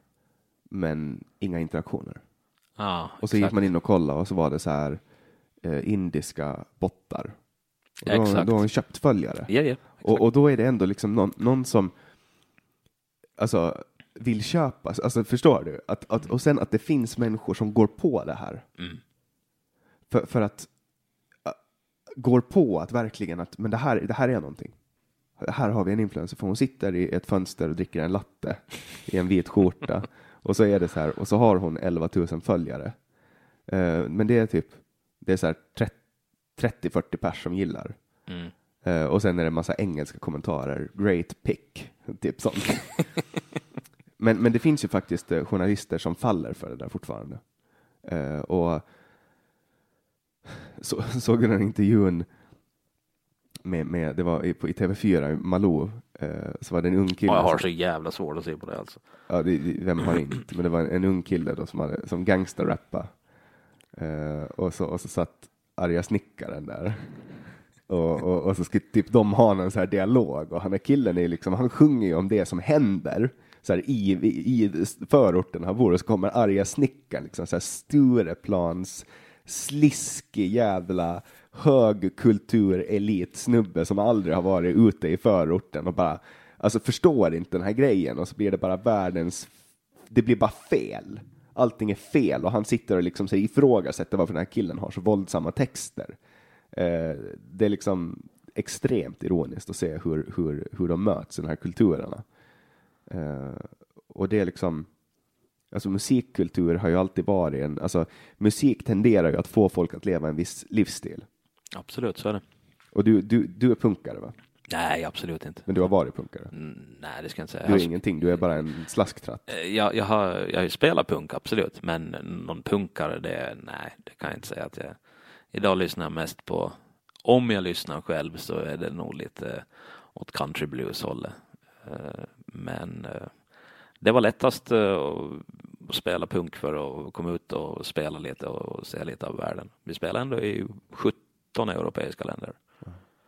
Men, men det är ändå liksom, du har ändå växt upp under tiden där man hade en, där man var en, en viss musik. Ja, ja, ja, alltså, jo, nej, jag, jag, det var ju hårdrock som gällde, absolut. Lasse Mattsson tog ju en alltid till Mattssons i Godby där. Det var Kiss och Wasp och AC/DC, ja, absolut. We are Satan's people. Ja, exakt. Ja, jag köpte den eh, första Wasp-plattan nere på Mattssons i Godby vinyl. Och bara för omslaget. Det var så jävla tufft omslag. Alltså för att pappa berättade när han växte upp, eh, så då, då, var liksom, då fanns det olika grupperingar. Mm. Då var det ett gäng punkare, de hängde med punkarna, det var draggare, de hängde med raggarna, det var ro- hårdrockare, de hängde med hårdrockare. Och, och det var liksom grupperingar. Så var det ju inte mig, jo, alltså, när jag växte upp så var det ju typ så här folk som lyssnade på hiphop gick med häng och, och hade en skateboard under armen. Våra dispyter vi hade i Godby, det var väl ungefär att eh, jag och brorsan lyssnade på Kiss och någon annan lyssnade på AC/DC. Men du levde under nyggetiden när man hängde med bilarna. På. Ja, absolut. Det var alltså, jag skulle faktiskt vilja ha lite bilder därifrån. För alltså man gick på stan oavsett om det regnade eller inte. Sen kunde man ju gå in då i gamla, alltså Andelsbanken. Då var ju bankomaten inne där du går in. Och hade du kort då så kunde du gå in och sätta dig där och få värme. Men man gick eller åkte, spelar ingen roll alltså. Det var ju så sjukt med folk på stan.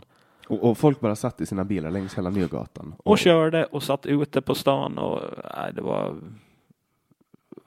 otroligt tid faktiskt. När dog den kulturen då? Bra fråga faktiskt. Jävligt bra fråga. Var det typ början på 2000-talet eller något sånt? Nej, det måste varit tidigare än det nog. För, för när pappa var liten, då var det ju liksom Nygatan. Och sen hade ju också, då var ju Torggatan var ju öppen också. Mm. Och det var typ, var det Eckeröborna som, som hade, som fick vara utanför? Jag minns, det var så mycket så här, jag minns ju alltid att man satt ute på, på Landsbankens trappa. Det, det var ju bra hak utanför posten och sånt. Men man gick ju också eh, runt, runt, runt fast den var iskallt. Eh, och man skulle, in, man skulle in och gå på Nygge. Och sen var det ju Dixie då utanför. Det var väl det stället man kunde få stryk på. Ja, för det fanns ju även på min tid, eh, alltså, nu var ju inte jag, alltså när jag var 18, då var det dött, men alltså när jag var yngre, när jag var 14, 15, 16, då kunde man gå mitt i natten och äta en hamburgare där. Mm. Och då var det folk så in i helvete, och folk som ragga och folk som hånglade och folk som slogdes, och det var liksom, Men samtidigt ska vi komma ihåg då att då fanns det ju ändå inte så jättemycket ställen att gå till. Eh, Du hade ju de yngre som var på mm, Medley, Alvas. Det, det fanns ju inte en chans att du skulle gå till, till Arken en lördag. Om du var 20 eller 19, nej, det, det fanns inte för liksom. där var ju folk och dansade dansband. Ja, det, det, det, det var som man, det var ingen av, av det som gick dit. Sen var folk, eh, Adlon var det mycket folk på. Det var för då kom ju eh, båtarna in rätt. Tidigt. Eh, Ja. och så de- stannade de i någon timme och så gick folk och söp eller? Ja, nej, men de, de stannade i hamnen. De kom ju mycket tidigare, så då gick ju folk från Birka och sånt direkt till Adlan. För, för att det har ju hänt jävligt mycket. Jag gjorde en kartläggning över, över nattlivet eh, när jag jobbade på, på Ålandstidningen. Och då gick jag liksom till, du var ju med på ett hörn där. Jag, gick till, jag tog reda på alla klubbar, nu kommer jag, fan, det var så länge sedan nu så jag kommer inte ihåg det, men då kollade jag, ah, de säger, jag tror att tio år eller någonting, Mm. som jag gjorde från 2000-talet fram till så här 2013 eller någonting, där jag kartlade vad som hade hänt och vilka, och, och det hände ju en grej som, som jag fick se eh, 2011 när Kino öppnade. Då Mm. rubbades liksom marknaden med att folk eh, började gå ut jättemycket på fredagar Mm. för att Kino öppnade. Det var så jävla eftertraktat. Alltså folk var så trötta på det nattlivet som fanns då. Det var liksom Dinos, Park, Arken Mm. och that's it. Eh, och så öppnade Kino. Och det Kino gjorde då var att de sänkte åldersgränsen på lördagar. Mm. Så att man som 18-åring fick vara ute på lördagar. För när jag fyllde 18 då fick man inte vara på, på Arken. Det var 20 års åldersgräns. Yes. Och då var det så här, då, då söp man bara på fredagar. Och det, var, det, är ganska, det är ändå en ganska rimlig nivå för, för en 18-åring att, att man kan gå ut en gång i veckan. Men sen helt plötsligt kunde man gå ut två gånger i veckan. Och vad händer då? Då dubblar man ju liksom antalet på en kväll. Men det är ju alltså, helt plötsligt så kan man gå ut åtta gånger i veckan. Nej, men i månaden. Mm. Och då försvinner ju pengarna. Och då börjar man ju kanske dricka mindre eller gå ut mer sällan. Och desto mindre människor det är på ett ställe, desto mindre människor går dit. Och det Arken gjorde för att täcka det här var ju att de sänkte sin åldersgräns till 18. Eh, och det gjorde att folk blev arga och inte ville gå ut på lördagar för att det var så mycket kids. För att, för att bara att ha åldersgränsen på 20 gjorde ju att, att hela det här klustret med 20, 21, 22, 23-åringar höll sig till fredagar. Det var liksom de ungas kväll. Men sen har allting bara liksom dimpat och nu sjunker det. Mm. Alltså utgångarna. Folk går inte ut längre. Och jag har försökt analysera vad det här har att göra med och prata med lite folk. Eh, och det, det en bidragande orsak som jag har förstått är att folk eh, är hälsosamma. Att folk vill vara hälsosamma och inte vill utsätta sig för det. Men, men, och att det är en hälsotrend, liksom att det är en grej som går. Men jag är helt säker på att det måste finnas flera orsaker till varför människor inte går ut lika mycket längre. Jag vet inte, är, är det så att folk inte går ut lika mycket då? Jag har faktiskt ingen koll på det. Jag tycker ändå att det är ganska mycket folk ute. Men hur ofta är du på Arken då? Nej, Arken är jag väldigt sällan på. Väldigt, väldigt Det är sällan. inte som förr i tiden. Nej, jag- men, men där är ju också grejen den att eh, konkurrensen har ju blivit annan. Det, det, Indigo har det också, som har mycket folk och är trevligt att gå till. Eh, jag, jag tror att Arken har fått mm, hårdare konkurrens faktiskt. För förut fanns det ju människor överallt. Det var ju människor. Och men, men eh, fanns det det då? Det, det, det här är också en sån här klassisk grej. Jag minns att folk alltid så här, ja men det var så jävla med folk på Alvas. Mm, men de stängde för att det inte var folk. Vilka dagar, vilka helger minns man? Ja, halloween, juldagen, ja men då är det fan folk överallt. Men inte var det folk där en fredag eh, eller lördag i februari. Men de konkurrerade lite också med varandra för att det var Arken som ägde Alvas och då Ja, men Vikla ville ha de unga på Alvas. Och det försökte, och det gick inte ihop. Ja, nu är de unga nere i nattklubben och de äldre på våningen ovanför. Mm. Och det är ju ganska smidigt. Ehm, men det är alltså, som jag minns det, när jag, när jag fyllde 18, det var ju 2012, då var det folk, då var det inte lika mycket folk på Indigo. Men det var fan så mycket trevligare. Jag var inte så mycket på Indigo då, jag är mer på Indigo nu. Nu är det ju extremt trevligt att gå till Indigo. Absolut. Jag, jag går, när jag går ut och pratar med folk, då är det Indigo liksom. Ja, och alltså jag, när jag stänger två fredag, lördag. Eh, jag, jag tar upp det värsta och kollar läget. Sen kan man moppa dagen efter, det spelar ingen roll. Men då går jag till Indigo och då är det precis ofta lagom för en AV om man har jobbat. Det, det är liksom. Nej, de har lyckats, absolut. Jag tycker det är jättetrevligt att gå dit. Och sen är det ju, det är ju ofta, det är ju också en stamkundskrets som alltid sitter där liksom. Det är samma människor och det, det finns någon trygghet i det. Mm. Det är trevligt. Jag, jag dricker ju ingenting när jag går ut på krogen, så efter två så, så brukar det ofta bli lite för så här, påfrestande. För folk blir ju så jävla dumma i huvudet när de dricker. De blir det. Det är många som har frågat mig också. Jag har ju fortfarande B-tillstånd. Och det innebär, Jag får sälja upp till 22 procent. Så jag har ingen stark, stark sprit. Och det är med stark spriten problemen kommer, de största. Så är det. ja, eh, det är alltså, folk, folk tappar ju det när de håller på med starksprit. Ja, nej, men så, så är det. Alltså, men det är klart att du kan bli full och korkad på öl och långdrink och lite shottar och något vin, men det är ändå starkspriten som är bekymret. Mm. Men det är också där de största pengarna. Ja. Jag får sälja blandvattnet till, det är ju ingen, ingen dum grej. Alltså. Nej. Vad tar de så här 2,50 för några droppar uh, Sprite liksom? Lyssnar du själv på poddar? Som sagt, inte mycket alltså, det, det ska nog sägas. Uh,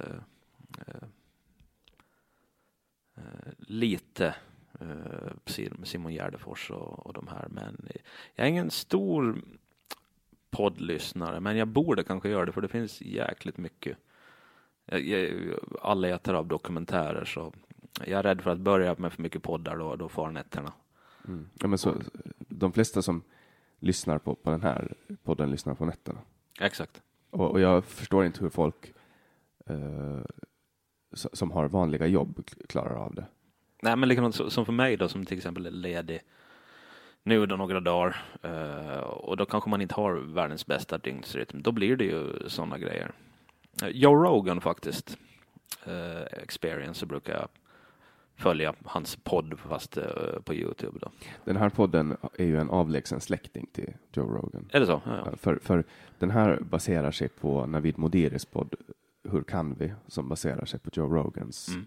eh, podd The Joe Rogan Experience. Jag, jag gillar det med just att han har ofta blandat seriösa, riktigt seriösa gäster och ämnen med, med he, ja, helt eh, underliga figurer. Men det är en bra kombo. Mm. Och tanken här är ju att, att få ett långt eh, samtal. Och, och samtal är, är nog ganska viktiga den här tiden för att folk är ju extremt i luven på varandra. Ja, så är det. Bråkar mycket. Eh, men du- du känner Simon Gärdenfors eller? Nej, eh, det gör jag inte. Eh, jag har jag träffade honom då under det här pressmeddelandet som jag gjorde när de gjorde eh, bögklubb på, på Putin, han och Frej Larsson. Frej har jag träffat förut, haft lite kontakt med, men Simon har jag bara träffat då. Men du blev inblandad i rättsprocessen på något sätt när de skulle dömas? Ja, alltså grejen var ju den att, att eh, produktionsteamet då så hörde av sig till mig och frågade om jag visste någon journalist som kunde följa med och, och liksom, ja, typ göra ett reportage. Eh, och jag visste att de höll på att spela in ett program. Jag visste dock inte desto mer om det. Men vet ju att de hade ju typ crashat någon eh, miljon eh, eh, våningsvisning på eh, i, i Stockholm genom att typ eh, komma dit och äta korv och dricka folköl eller något sånt här. Jag visste inte desto mera. Och då ringde produktion, en kille från produktionen upp mig och frågade om jag visste någon. Och då fick jag just det ångest och skicka någon gammal stofil från, eh, från nian, ni vet med, med Frej, Frej Larsson och Simon Gärdenfors. Nej, så jag att jag kan göra det själv, att jag, jag jobbar på Dinos då, vi hade ett lokalband, så jag sa jag leder här, jag kan följa med er. Jag visste inte vad de hade gjort. Eh, och då följde, följde jag med dem ner till, är det Kvarnboviken? Blir det så? I Saltvik? Ja. Eh, och ut då till vad som var Putins ö, jag hade ingen aning om det. Och då fick jag se ett litet klipp där och så gjorde jag ett, eh, ett, ett form av reportage som de använde som pressmeddelande helt enkelt. Och sen hamnade, hamnade jag då slutligen i, i rätte som åklagarens vittne. Det var väldigt intressant. Så egentligen mitt vittnesmål som åklagarna trodde då att eh, eh skulle hjälpa dem så, så väl, väl hela grejen egentligen.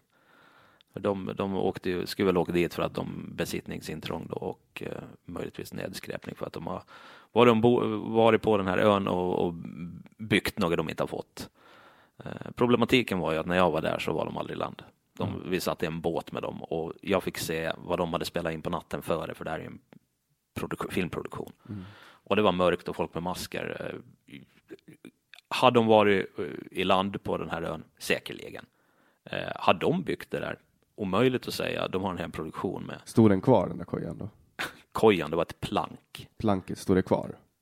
Jo, jo, jo. Det, det, det står nog kvar. Alltså, de har byggt ett plank och så har de köpt lite Clas Ohlson, så här LED-grejer och sånt. Och sen spelar de in det på natten med lite rökmaskin, men liksom bygge i sig, pff, nej, det är ett plank. För det där var ju en sån, alltså Eh, det var ju ett jättebra PR-trick. Ja, alltså grejen är att, att eh, sen då så skickar jag ut det pressmeddelandet till, jag, sa, jag skickar ut det till Nya Åland och Ålandstidningen först. Och då gled det ju snabbt till Aftonbladet och Expressen. Eh, men sen hörde Associated Press av sig från Köpenhamn eh, och, ville ha det här utskicket. Och efter det så blev det ju liksom, och det var, var det Washington Post eller New York Times som hade det och sånt. Så det blir ju extremt stort. Exakt. Eh, Men de fick ju vad de ville. Och de är inte dumma. Absolut inte. Absolut inte. Och, och som sagt, eh, rä- rättegången var ju Simon Gärdenfors. eh, Han var så bra man kunde vara i en rättegång och försvara sig själv. Och det var ju också väldigt bra reklam för Åland. Folk tenderar att underskatta det. Men sen ska vi nog, nog vara det många eh, gubbar ute att vad satan, nu kommer ryssarna anfalla och, och sen vad håller de på med satans eh, bögskämtande och sådär. Det, det var nog många som var, var, var ganska negg också. Absolut, men, men det är liksom det är ju en ganska harmlös grej Ja, egentligen. och- alltså, och- förutom, och- att det, förutom att hela den rättsgrejen kostar ju pengar eh, för, för skattebetalarna, men, men det är också att visa eh, med praktisk aktion att det finns hål i rättssystemet. Ja, absolut. Alltså för en sån här grej så borde det inte gå vidare till åtal när, när det är så uppenbart att det bara är ett stunt. Ja, ja, och, och, och, och det här. eh, Ja, det, det, de fick ju exakt vad de ville och de, eh, ja, de fick inget, ingen straff överhuvudtaget. Frej duckade ju allt. Han hade ju, eh, han hade ju fest istället.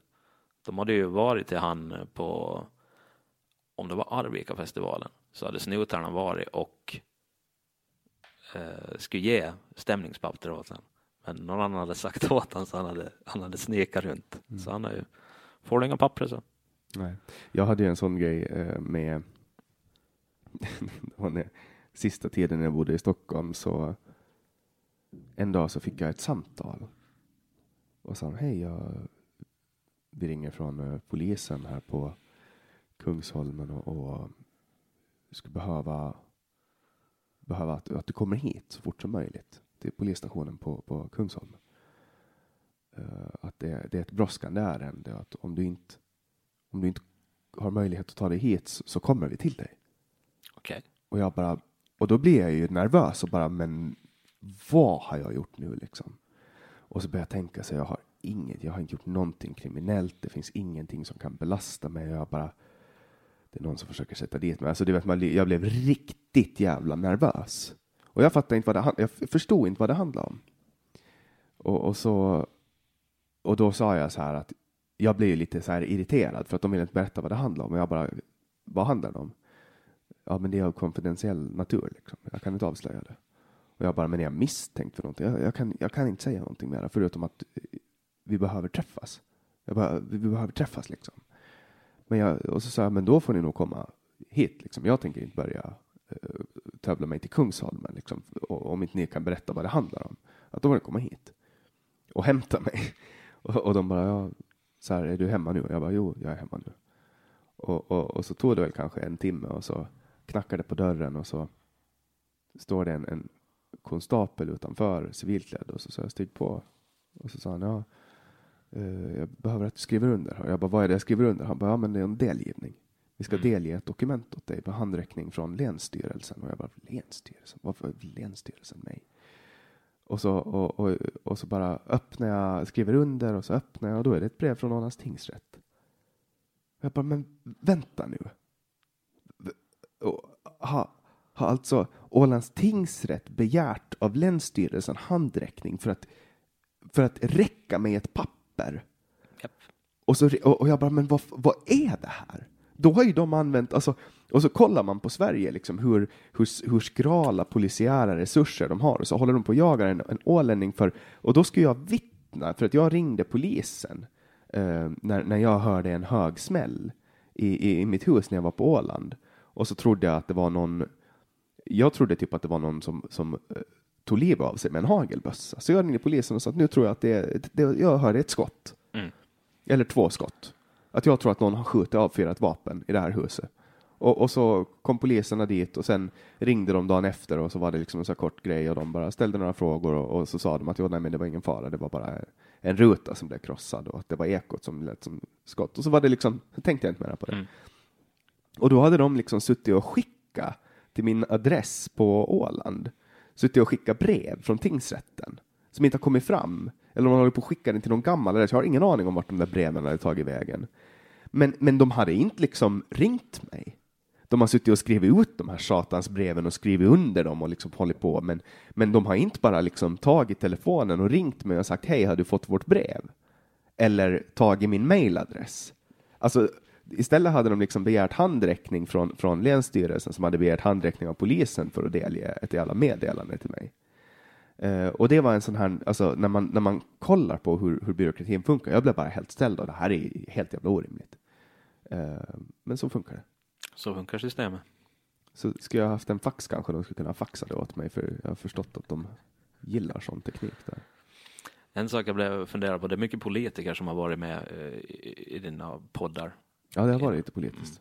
Jag är väl den enda som har varit med på podden som aldrig har röstat i hela mitt liv. Du har aldrig röstat? Aldrig röstat. Jag kan tänka mig att det finns andra som inte har röstat, men, men är det för att du skiter i det eller? Jag brukar inte klaga heller. Eh, faktiskt, så nej, jag, inte, jag, jag följer, följer nog med det ganska bra, men nej, jag, När jag försöker ta upp eh, politiska spörsmål med min mamma så brukar hon säga hon bara eh, liksom sätter händerna i en så här avvisande gest och säger inte min cirkus, inte mina apor. Ah, alltså, jag har blivit lite så här, för att eh, senaste valet satt vi och tittade på ettan och följde med. Och det var ju lika kul att följa med i bot, den verkliga botten som det var i toppen. Och det, alltså, eh, jag sväljer inte riktigt den här, ja men alla, vi hjälper partiet, alla röster liksom, bara, bara. Om man någonsin, det här tycker jag, om man någonsin ställer upp ett val här och får under 20 röster så får du aldrig ställa upp igen. Alltså, alltså, alltså, du lyckas inte övertala din familj, flickvänner, släkt. Du måste komma upp över 20 röster om du gör någon form av kampanj. Mm. Och har du med under 20, aldrig med igen. Tack och hej. Det är väldigt många som inte tar sig över det strecket. Exakt, det är det. Och det, det blir så fånigt många.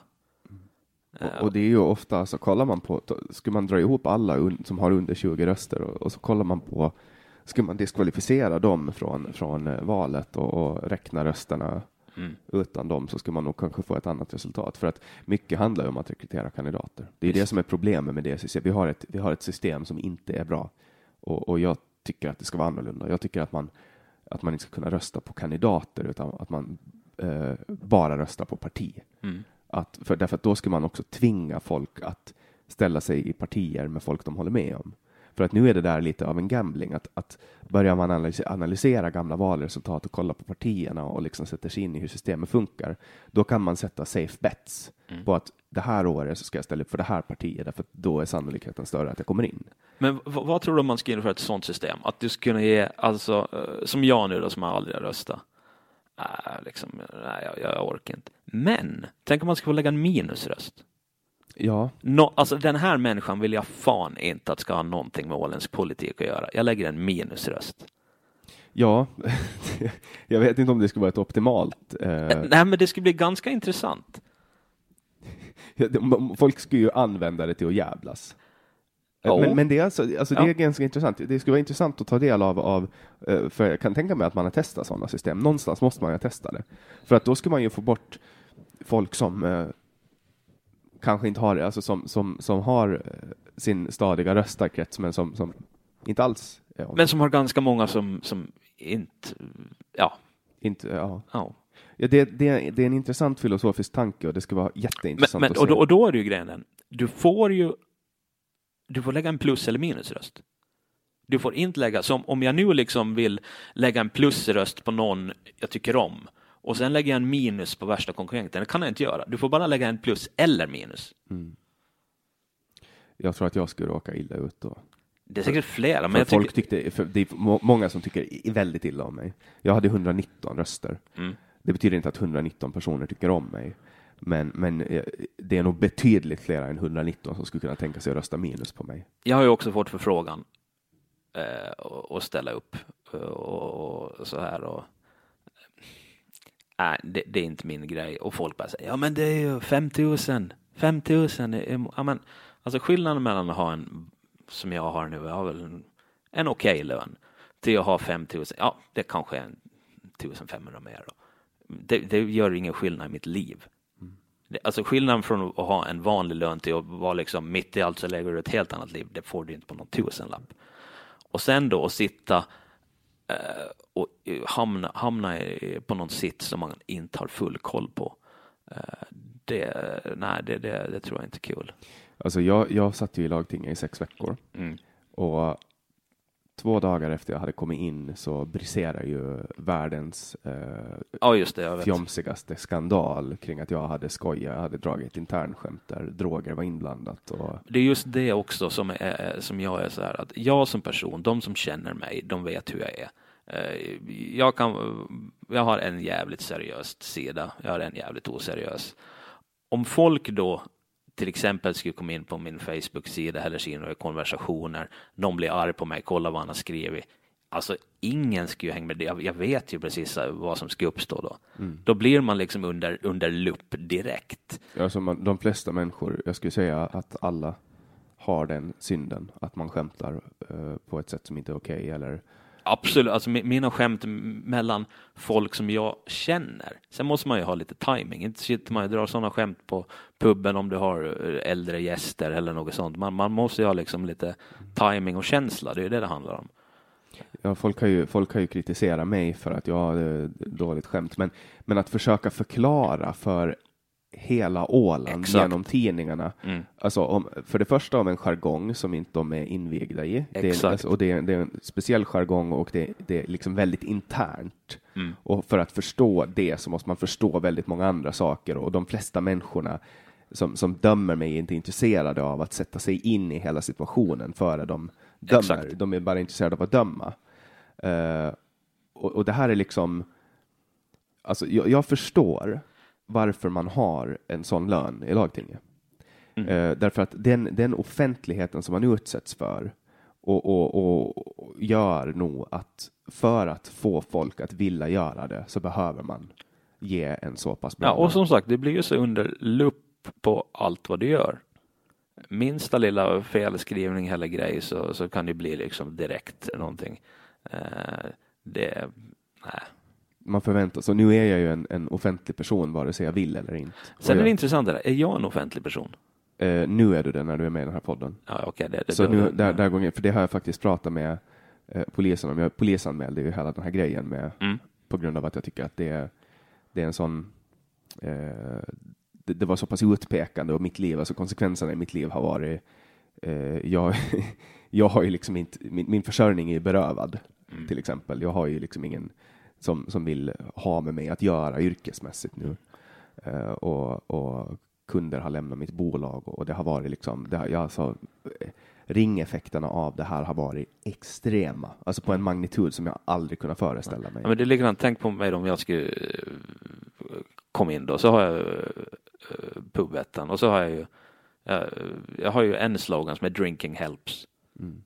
Och, och den är ju liksom förstås gjord med, med, med glimten i, i ögat och folk frågar vad menar du med det där? Ja, det, ibland hjälper det att dricka. Alltså vatten, jävligt bra ibland. Ibland behöver du en läskjuice, ibland en öl bra. Men tänk om du skulle komma in också och så skulle, eh, skulle någon journalist lyssna på den här podden när du sitter och berättar att du har skitit på Exakt. vägg. Ja. Alltså, det skulle ju bli du skulle ju bli fördömd. Jo, jo visst. Jo, jo, det. Men, men när jag pratade med polisen i det här ärendet så, så, så, så sa han då som uh, har det här på sitt bord att, att även om inte jag ska komma in i lagtinget så ska jag ha varit offentlig just med den här podden. Okay, uh, ja. bara, bara det räknas med som offentlig. Så jag, jag utgår ifrån att du juridiskt sett är en offentlig person. Det, det är rätt intressant där faktiskt. För, nämna några namn, men det var ju en person som åkte dit för, för ett gäng år sedan för, jag undrar om det var eh, roderfylla, som jag nog ansåg var en jävligt offentlig person, men som tidningarna inte valde. Mm. namnen. Jag tycker det är jävligt intressant. När är du och när är du inte? Speciellt på en sån här litet ställe. Alltså rattfyllor är ju extremt Jag tror det här var roderfylla. Ja, men Ja. styrstångsroder, Ja. f- fylleri och, och bilkörning eller fordonskörning är ju väldigt ofta tätt sammankopplat med sjukdom. Mm. Och, och då måste man ha synnerligen goda skäl för att liksom kasta någon framför bussen som det innebär när man äh, åker fast för en rattfylla. För att det, det, alltså för att det är ju en, alltså det är ju en så, så pass vrickad sak att göra. Så att det, det, det är väl, alltså, jag tror att man ofta måste väga.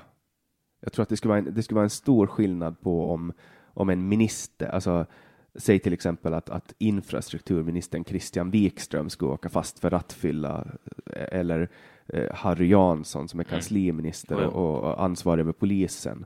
Det skulle vara riktigt jävla, då skulle nog framsidorna på tidningarna blänka, men men i, i övrigt så, så tror jag nog att det kan skada ganska mycket när människor Men det är just det som är intressant, att det kan, det kan vara skillnad på offentlig person och offentlig person. Absolut, och så Mm. är det. Så är det alltid. Eh, det är, men där, är det, där, där får man oftast lita på att, att de ansvariga utgivarna väger på guldvåg hur en publicering kan ske. Mm. Och sen handlar det också om vad är allmänintresse? Ja.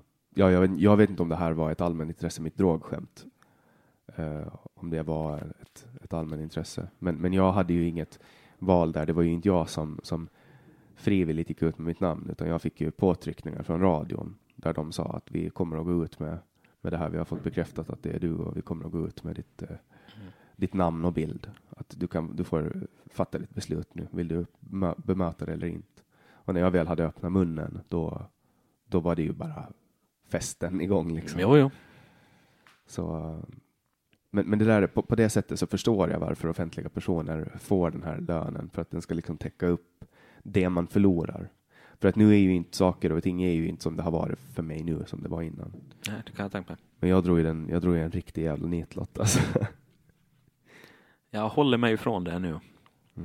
Men det ska bli kul den dagen du bestämmer dig för att ställa upp för ett parti och, och, och journalisterna börjar gräva i din smutsiga Ja, historia. jag har ju funderat, i sådana fall så blir det på egen lista.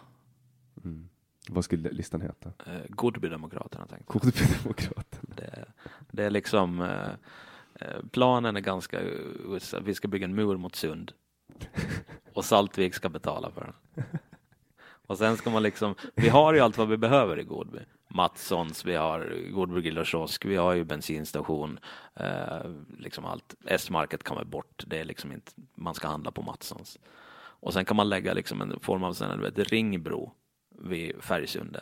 För där har vi ju redan liksom, man kan stå uppe vid tornet där och hålla koll. Och så lägger man en vägtull där om du ska igenom Godby till stan. Och sen har du vid gamla eh, bageri i Ämnes, där har du en och sen vid Grädsby sjukhus. Vi har allt vad vi behöver liksom. Ja. ja, ni kan säkert vara autonoma med matproduktionen också. Exakt. Och eh, jag menar, vi har tätortsskylt. Det är, det är rätt stort på Åland. Ja, det, det var ju snack när jag var liten om att Godby borde bli en stad. Mm. Eh, skulle du utropa det till en, eh, en stad då? Mariehamns, eller Ålands huvudstad? God tvåa tycker jag ändå. Alltså det, För det, det, är, ju- det är ganska rimligt att, att eh, Godby skulle vara Ålands huvudstad i och med att det är mitt på Åland. Och det är ju den bästa platsen egentligen, förutom då att det bor mest människor i Mariehamn. Den bästa platsen att ha en brandstation skulle egentligen vara i Godby för att då är det lika nära till allt. mm. Men sen i och med att det är flera hushåll i Mariehamn så börjar det ju troligtvis, det är större sannolikhet att det börjar brinna. Men Jag tänkte att sloganen ska vara ett sunt val. jag tror, jag tror, jag tror, att, det, jag tror att folk har använt den slogan. Det skulle inte förvåna mig med, med eh, alltså just, jag kan tänka mig att någon från Sund har använt den. Ja, det, det enda viktiga sen att, att eh, knallen i Sund är internationellt vatten. Vi ska bygga en vägtunnel från Mattssons parkeringen så man kan liksom köra till, till, till knallen och tillbaks. Men, men tror du att du någonsin kommer att ställa upp? Det tror jag inte. Men jag tror att om jag skulle ställa upp så är chansen att jag ska komma in, den tror jag nog finns. Och, men som sagt, det här offentligheten, allt det där. Jag har inte heller kunskapen till, till några av de där posterna. Men det är ju inte ett krav heller. Alltså, Nej, men sätt in folket. sen och få 50 arga bönder och, och du inte har en, eh, en, eh, kolmittal står de med högafflarna utanför. Men Liksom. det är bara om man är minister. Jo, Och, och, och man blir ju sällan minister från gatan. Det händer ju eh, lite nu och då. Men, exakt. och det händer ju nu, den här regeringen. Men, Mm. men i övrigt så, eh, så, så, så om man sitter i lagtinget så, så blir man ganska guidad genom Jo. Processen och, och lär sig snabbt. Liksom. Och sen känns det sådär, jag sitter där i något kafferum. Ah, fan alltså det. Sitta i plenisalen, stå utan tänder och Oh. bara... Uppklädd och, nej, ingen fel av att klä upp sig men. Men vad, du, du beskrev ju dig själv som tandlös. Vad är det som gör att du inte har tänder eh, där fram? det- Du har ju några. Jag har några och jag, jag har ingen bra, för det första från första början är, är, det, är det tandläkarskräck. Eh, Men min, min framtand som varit borta, den har faktiskt bitit av på en godisorm en gång i tiden. Godisorm berövar dig från din framtid. Alltså troligtvis har jag tagit en ölflaska och så har jag slagit den i tanden och så har den dött eh, och ruttnat inifrån. Men jag hade så hård emalj så det syndes inte. Så mitt i allt bara Mm. Och sen har jag haft ett gäng olika tänder där, men du vet, det är ju en gång på fyllan och äter en burgare så sitter den i. Så vi får väl se. Det kan hända att, att jag måste göra ett försök nu faktiskt och fixa upp den här jävla truten. Men, men du har ju sagt till mig någon gång att du, du skiter i den där gluggen, att den bara eh, lägger karaktär. G- g- Gluggen i sig har jag ingenting emot, men eh, man vill ju resterande munnen ska jag behöva fixa upp.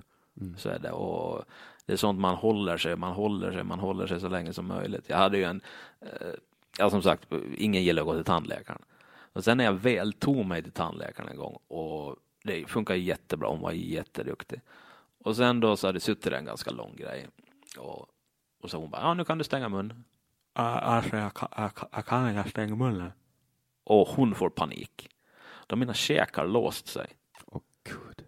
Eh, och jag sitter där och bara, "Ah, jag göra, jag kan inte. Och hon sätter in tummarna och försöker liksom lägga käken på rätt. Hon har inte tillräckligt med kraft. Eh, och då hon bara, jag måste, jag måste efter Greger. Jag bara, "Ja, vem fan är Greger? Och så kommer det in någon snubbe med så här gorillahänder, trycker till käken så jag tror att allt, bara, är den ens kvar? Och sen ät inga äppel på, på några dagar och så går han därifrån. Det är inget, inget Skulle det inte ha varit lättare att bara smälta en diapam under tungan som är muskelavslappnande? Och så, skulle, Ja, fan, det var ingen höjdare att sitta där alltså. så när du väl, det där är ju också förväntan, alltså eh, lagen om attraktion. Du sitter och målar upp de värsta scenarierna som kan hända och så händer det. Jo, exakt. Fy fan. Men, men du har ju sagt till mig att, att, eh, att di- dina tänder ger dig karaktär, liksom. att det är en del av, av dig. Al- Alltså gluggen är, är, nog det. Det är vissa som sagt liksom nej, nej, det där kan du inte liksom eh, fixa. Det- Nej, nej, nej, det, det där ska vara kvar liksom. Men ja, vi får väl se. Mm. Men sen är det ju också en sak eh, som, som folk inte egentligen vill prata om. Folk vill ju inte prata om tänder. Nej, absolut inte. Men, men du pratar om det liksom. Absolut, och som sagt, jag borde verkligen göra något åt min mun medan man har chansen. Man, man borde ha gjort det för många, många år sedan, men eh, man drar sig hela tiden. Kan de inte bara söva dig då? Jag vet inte om man gör det på några dagar längre. Som sagt, jag håller mig borta från den där tandläkarmottagningen efter den där käkincidenten. För jag, jag har ju, Sen vill jag inte heller, det är ju helt, alltså min, min farsa har ju, eh, han skaffade ju löständer. Uh, och eh, det var så jävla konstigt. Uh, kom hem och så kom han gående. Jag bara, alltså vad fan har han gjort? Alltså, du vet när det sitter en, en gubbe som liksom knappt har tänder fram till och mitt i allt så typ Hollywoodfruar smile. alltså en helt annan människa, ser helt bisarrt ut alltså. Eh, eh, Går det inte liksom, jag bara, nej det kan inte, det ser ju liksom sjukt ut. kan, kan man tugga med löständer då? Eh, Du kan ju, men det är ganska svårt, har jag förstått. Jag, jag tror inte att, att, eller du kan nog, men jag, jag tror nog att du väljer att äta kanske inte de bästa steaksen och sånt, utan kanske lite mm, pasta. Kan man prata utan att, alltså håll, hålls de på plats? Jo, jo, det, det, det gör det. det. Det finns ju olika varianter. Sen är det liksom, visst, du kan lägga till titanskruvar och sånt, men det blir ju nog fan liksom vilken jävla prislapp det är på det idag när man har väntat för länge. Ja. Ja, men alternativen finns ju. Ja, absolut, absolut. Jag har ju två stycken eh, visdomständer i underkäken som har lagt sig fel. Mm. Och jag dreadar det här jävla ingreppet. Jag bara Eh. skjuter och skjuter och skjuter. Jag kan lugna dig, jag har en tjejkompis som gjorde det i, i veckan. Operera ut bägge. Det är inte skönt. Ja, men de säger att de säger att det också blir värre med åren. Att desto äldre man blir. Jag vet inte om det är sant. Det finns så mycket myter kring, kring tän- tänder och tandläkare, men att, att man ska göra det när man är yngre. Men Intressant myt också eh, som jag tänkte på är, är ju det här när vi var inne på eh, saker när, som liksom, jag, jag vet inte hur man ska förklara men när jag var magsjuk när jag var liten så fick jag alltid röd jaffa. det fick jag av min mamma också. Eh, Det, skrev, eh, det är alltid röd jaffa, det var inte gul. Rö- och så, så fort, Och, och så köpte man aldrig det annat än när man var nej, sjuk. för den smakar ju sjukdom. Exakt. Eh, exakt. Det var så här, om någon hade röd jaffa, man bara, vad fan håller du på med? Exakt, och där ska jag väl veta, var finns den här, kan man ringa och fråga någon?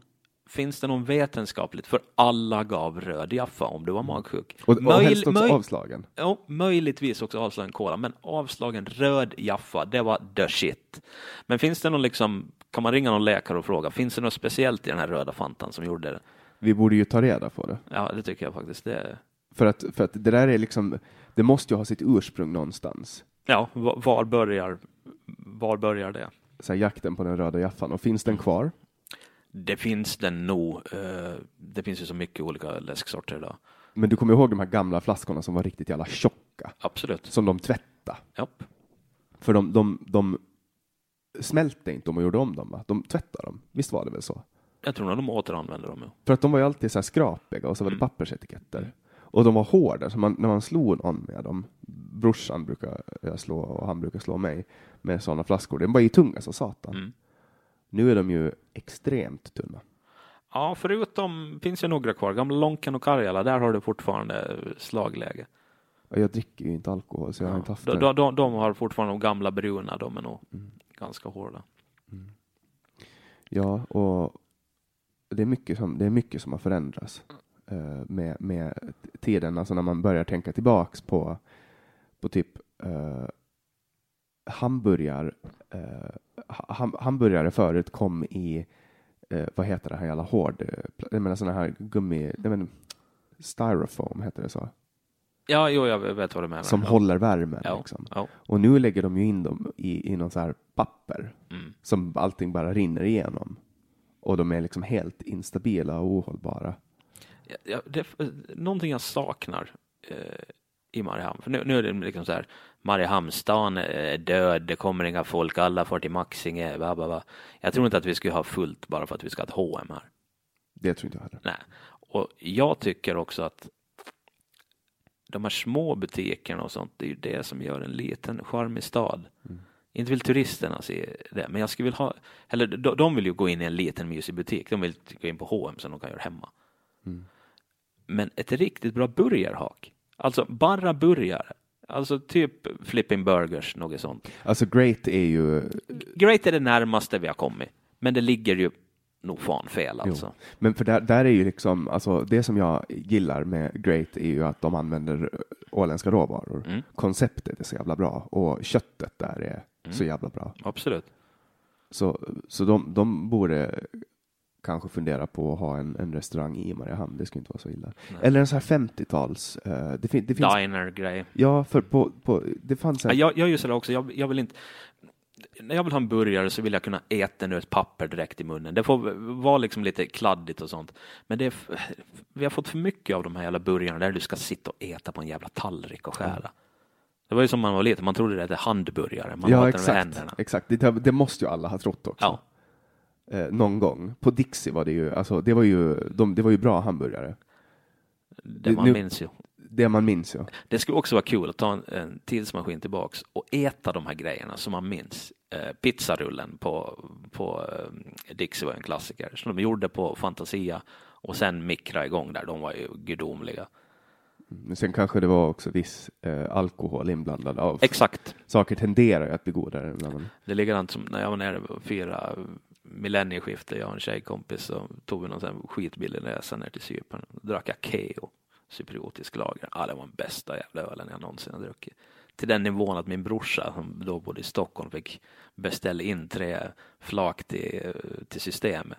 Så tog jag hit och bjöd polaren. Hur fan ska ni sma- få smak på öl? Och alla bara, vad i helvete är det här? ja, där på plats var den bra. Här i februari så var den inte lika kul. Det där var också som för, för, förra året, så, eller alltså när det skulle bli 2019 så hittade jag en, alltså jag smakade på en, en Nocco skumtomte. Och jag bara, fan det här är ju det, det här är det häftigaste jag varit med om. Den var så här kall och, och det smakar som en skumtomte. Jag bara, fan det här är ju helt sjukt, det här är så jävla bra. Så min fästmö köpte en julkalender åt mig. Eh, hon köpte en 24-pack, eh, Nocco skumtomte. Och, och typ den 10 december så, så, så slutade smaken ta i min mun. Så att det enda det smakade var sötningsmedel. Så nu när jag, när jag så hittade jag en på S-market i stan och jag bara för julen, jag bara "Fan, jag ska testa vad den smakar, men fortfarande. Den där smak, alltså min kropp var typ, det är som ett vaccin. Mm. Att den bara, det bara dog. För det var, det var liksom första, den här känslan bara wow. Men sen nu bara äckligt sötningsmedel och så får jag typ så här, bara, att jag vill, inte ha det. Men nu har vi, nu har vi pratat i två timmar. Det har, varit, det har varit jättekul att, att ha dig här. Detsamma, tusen tack. Det var jättetrevligt att vara här. Och till alla er som lyssnar och har lyssnat igenom mig och Grulle som har pratat skit i två timmar så tackar vi jättemycket och ni vet att ni kan hitta alla samtal på Spotify och Acast och iTunes och alla ställen där poddar distribueras med RSS-flöde. Ni kan också gå in på vår hemsida www.samtal.ax och ni får väldigt gärna gå in på www.patreon.com samtal och donera lite pengar till den här podden för då hjälper ni oss att fortsätta hacka på. Det tar ju sin lilla tid att, att hålla på med det här och det är förenat med vissa fasta eh, utgifter. Och det kommer ju alltid att vara gratis eh, den här podden. Eh, men ett ekonomiskt, en ekonomisk donation underlättar alltid och hjälper till på vägen. Vi släpper nya samtal alla onsdagar. Producent för den här podden var Didrik Svan. Jag heter Jannik Svensson och du har lyssnat på podcasten Samtal.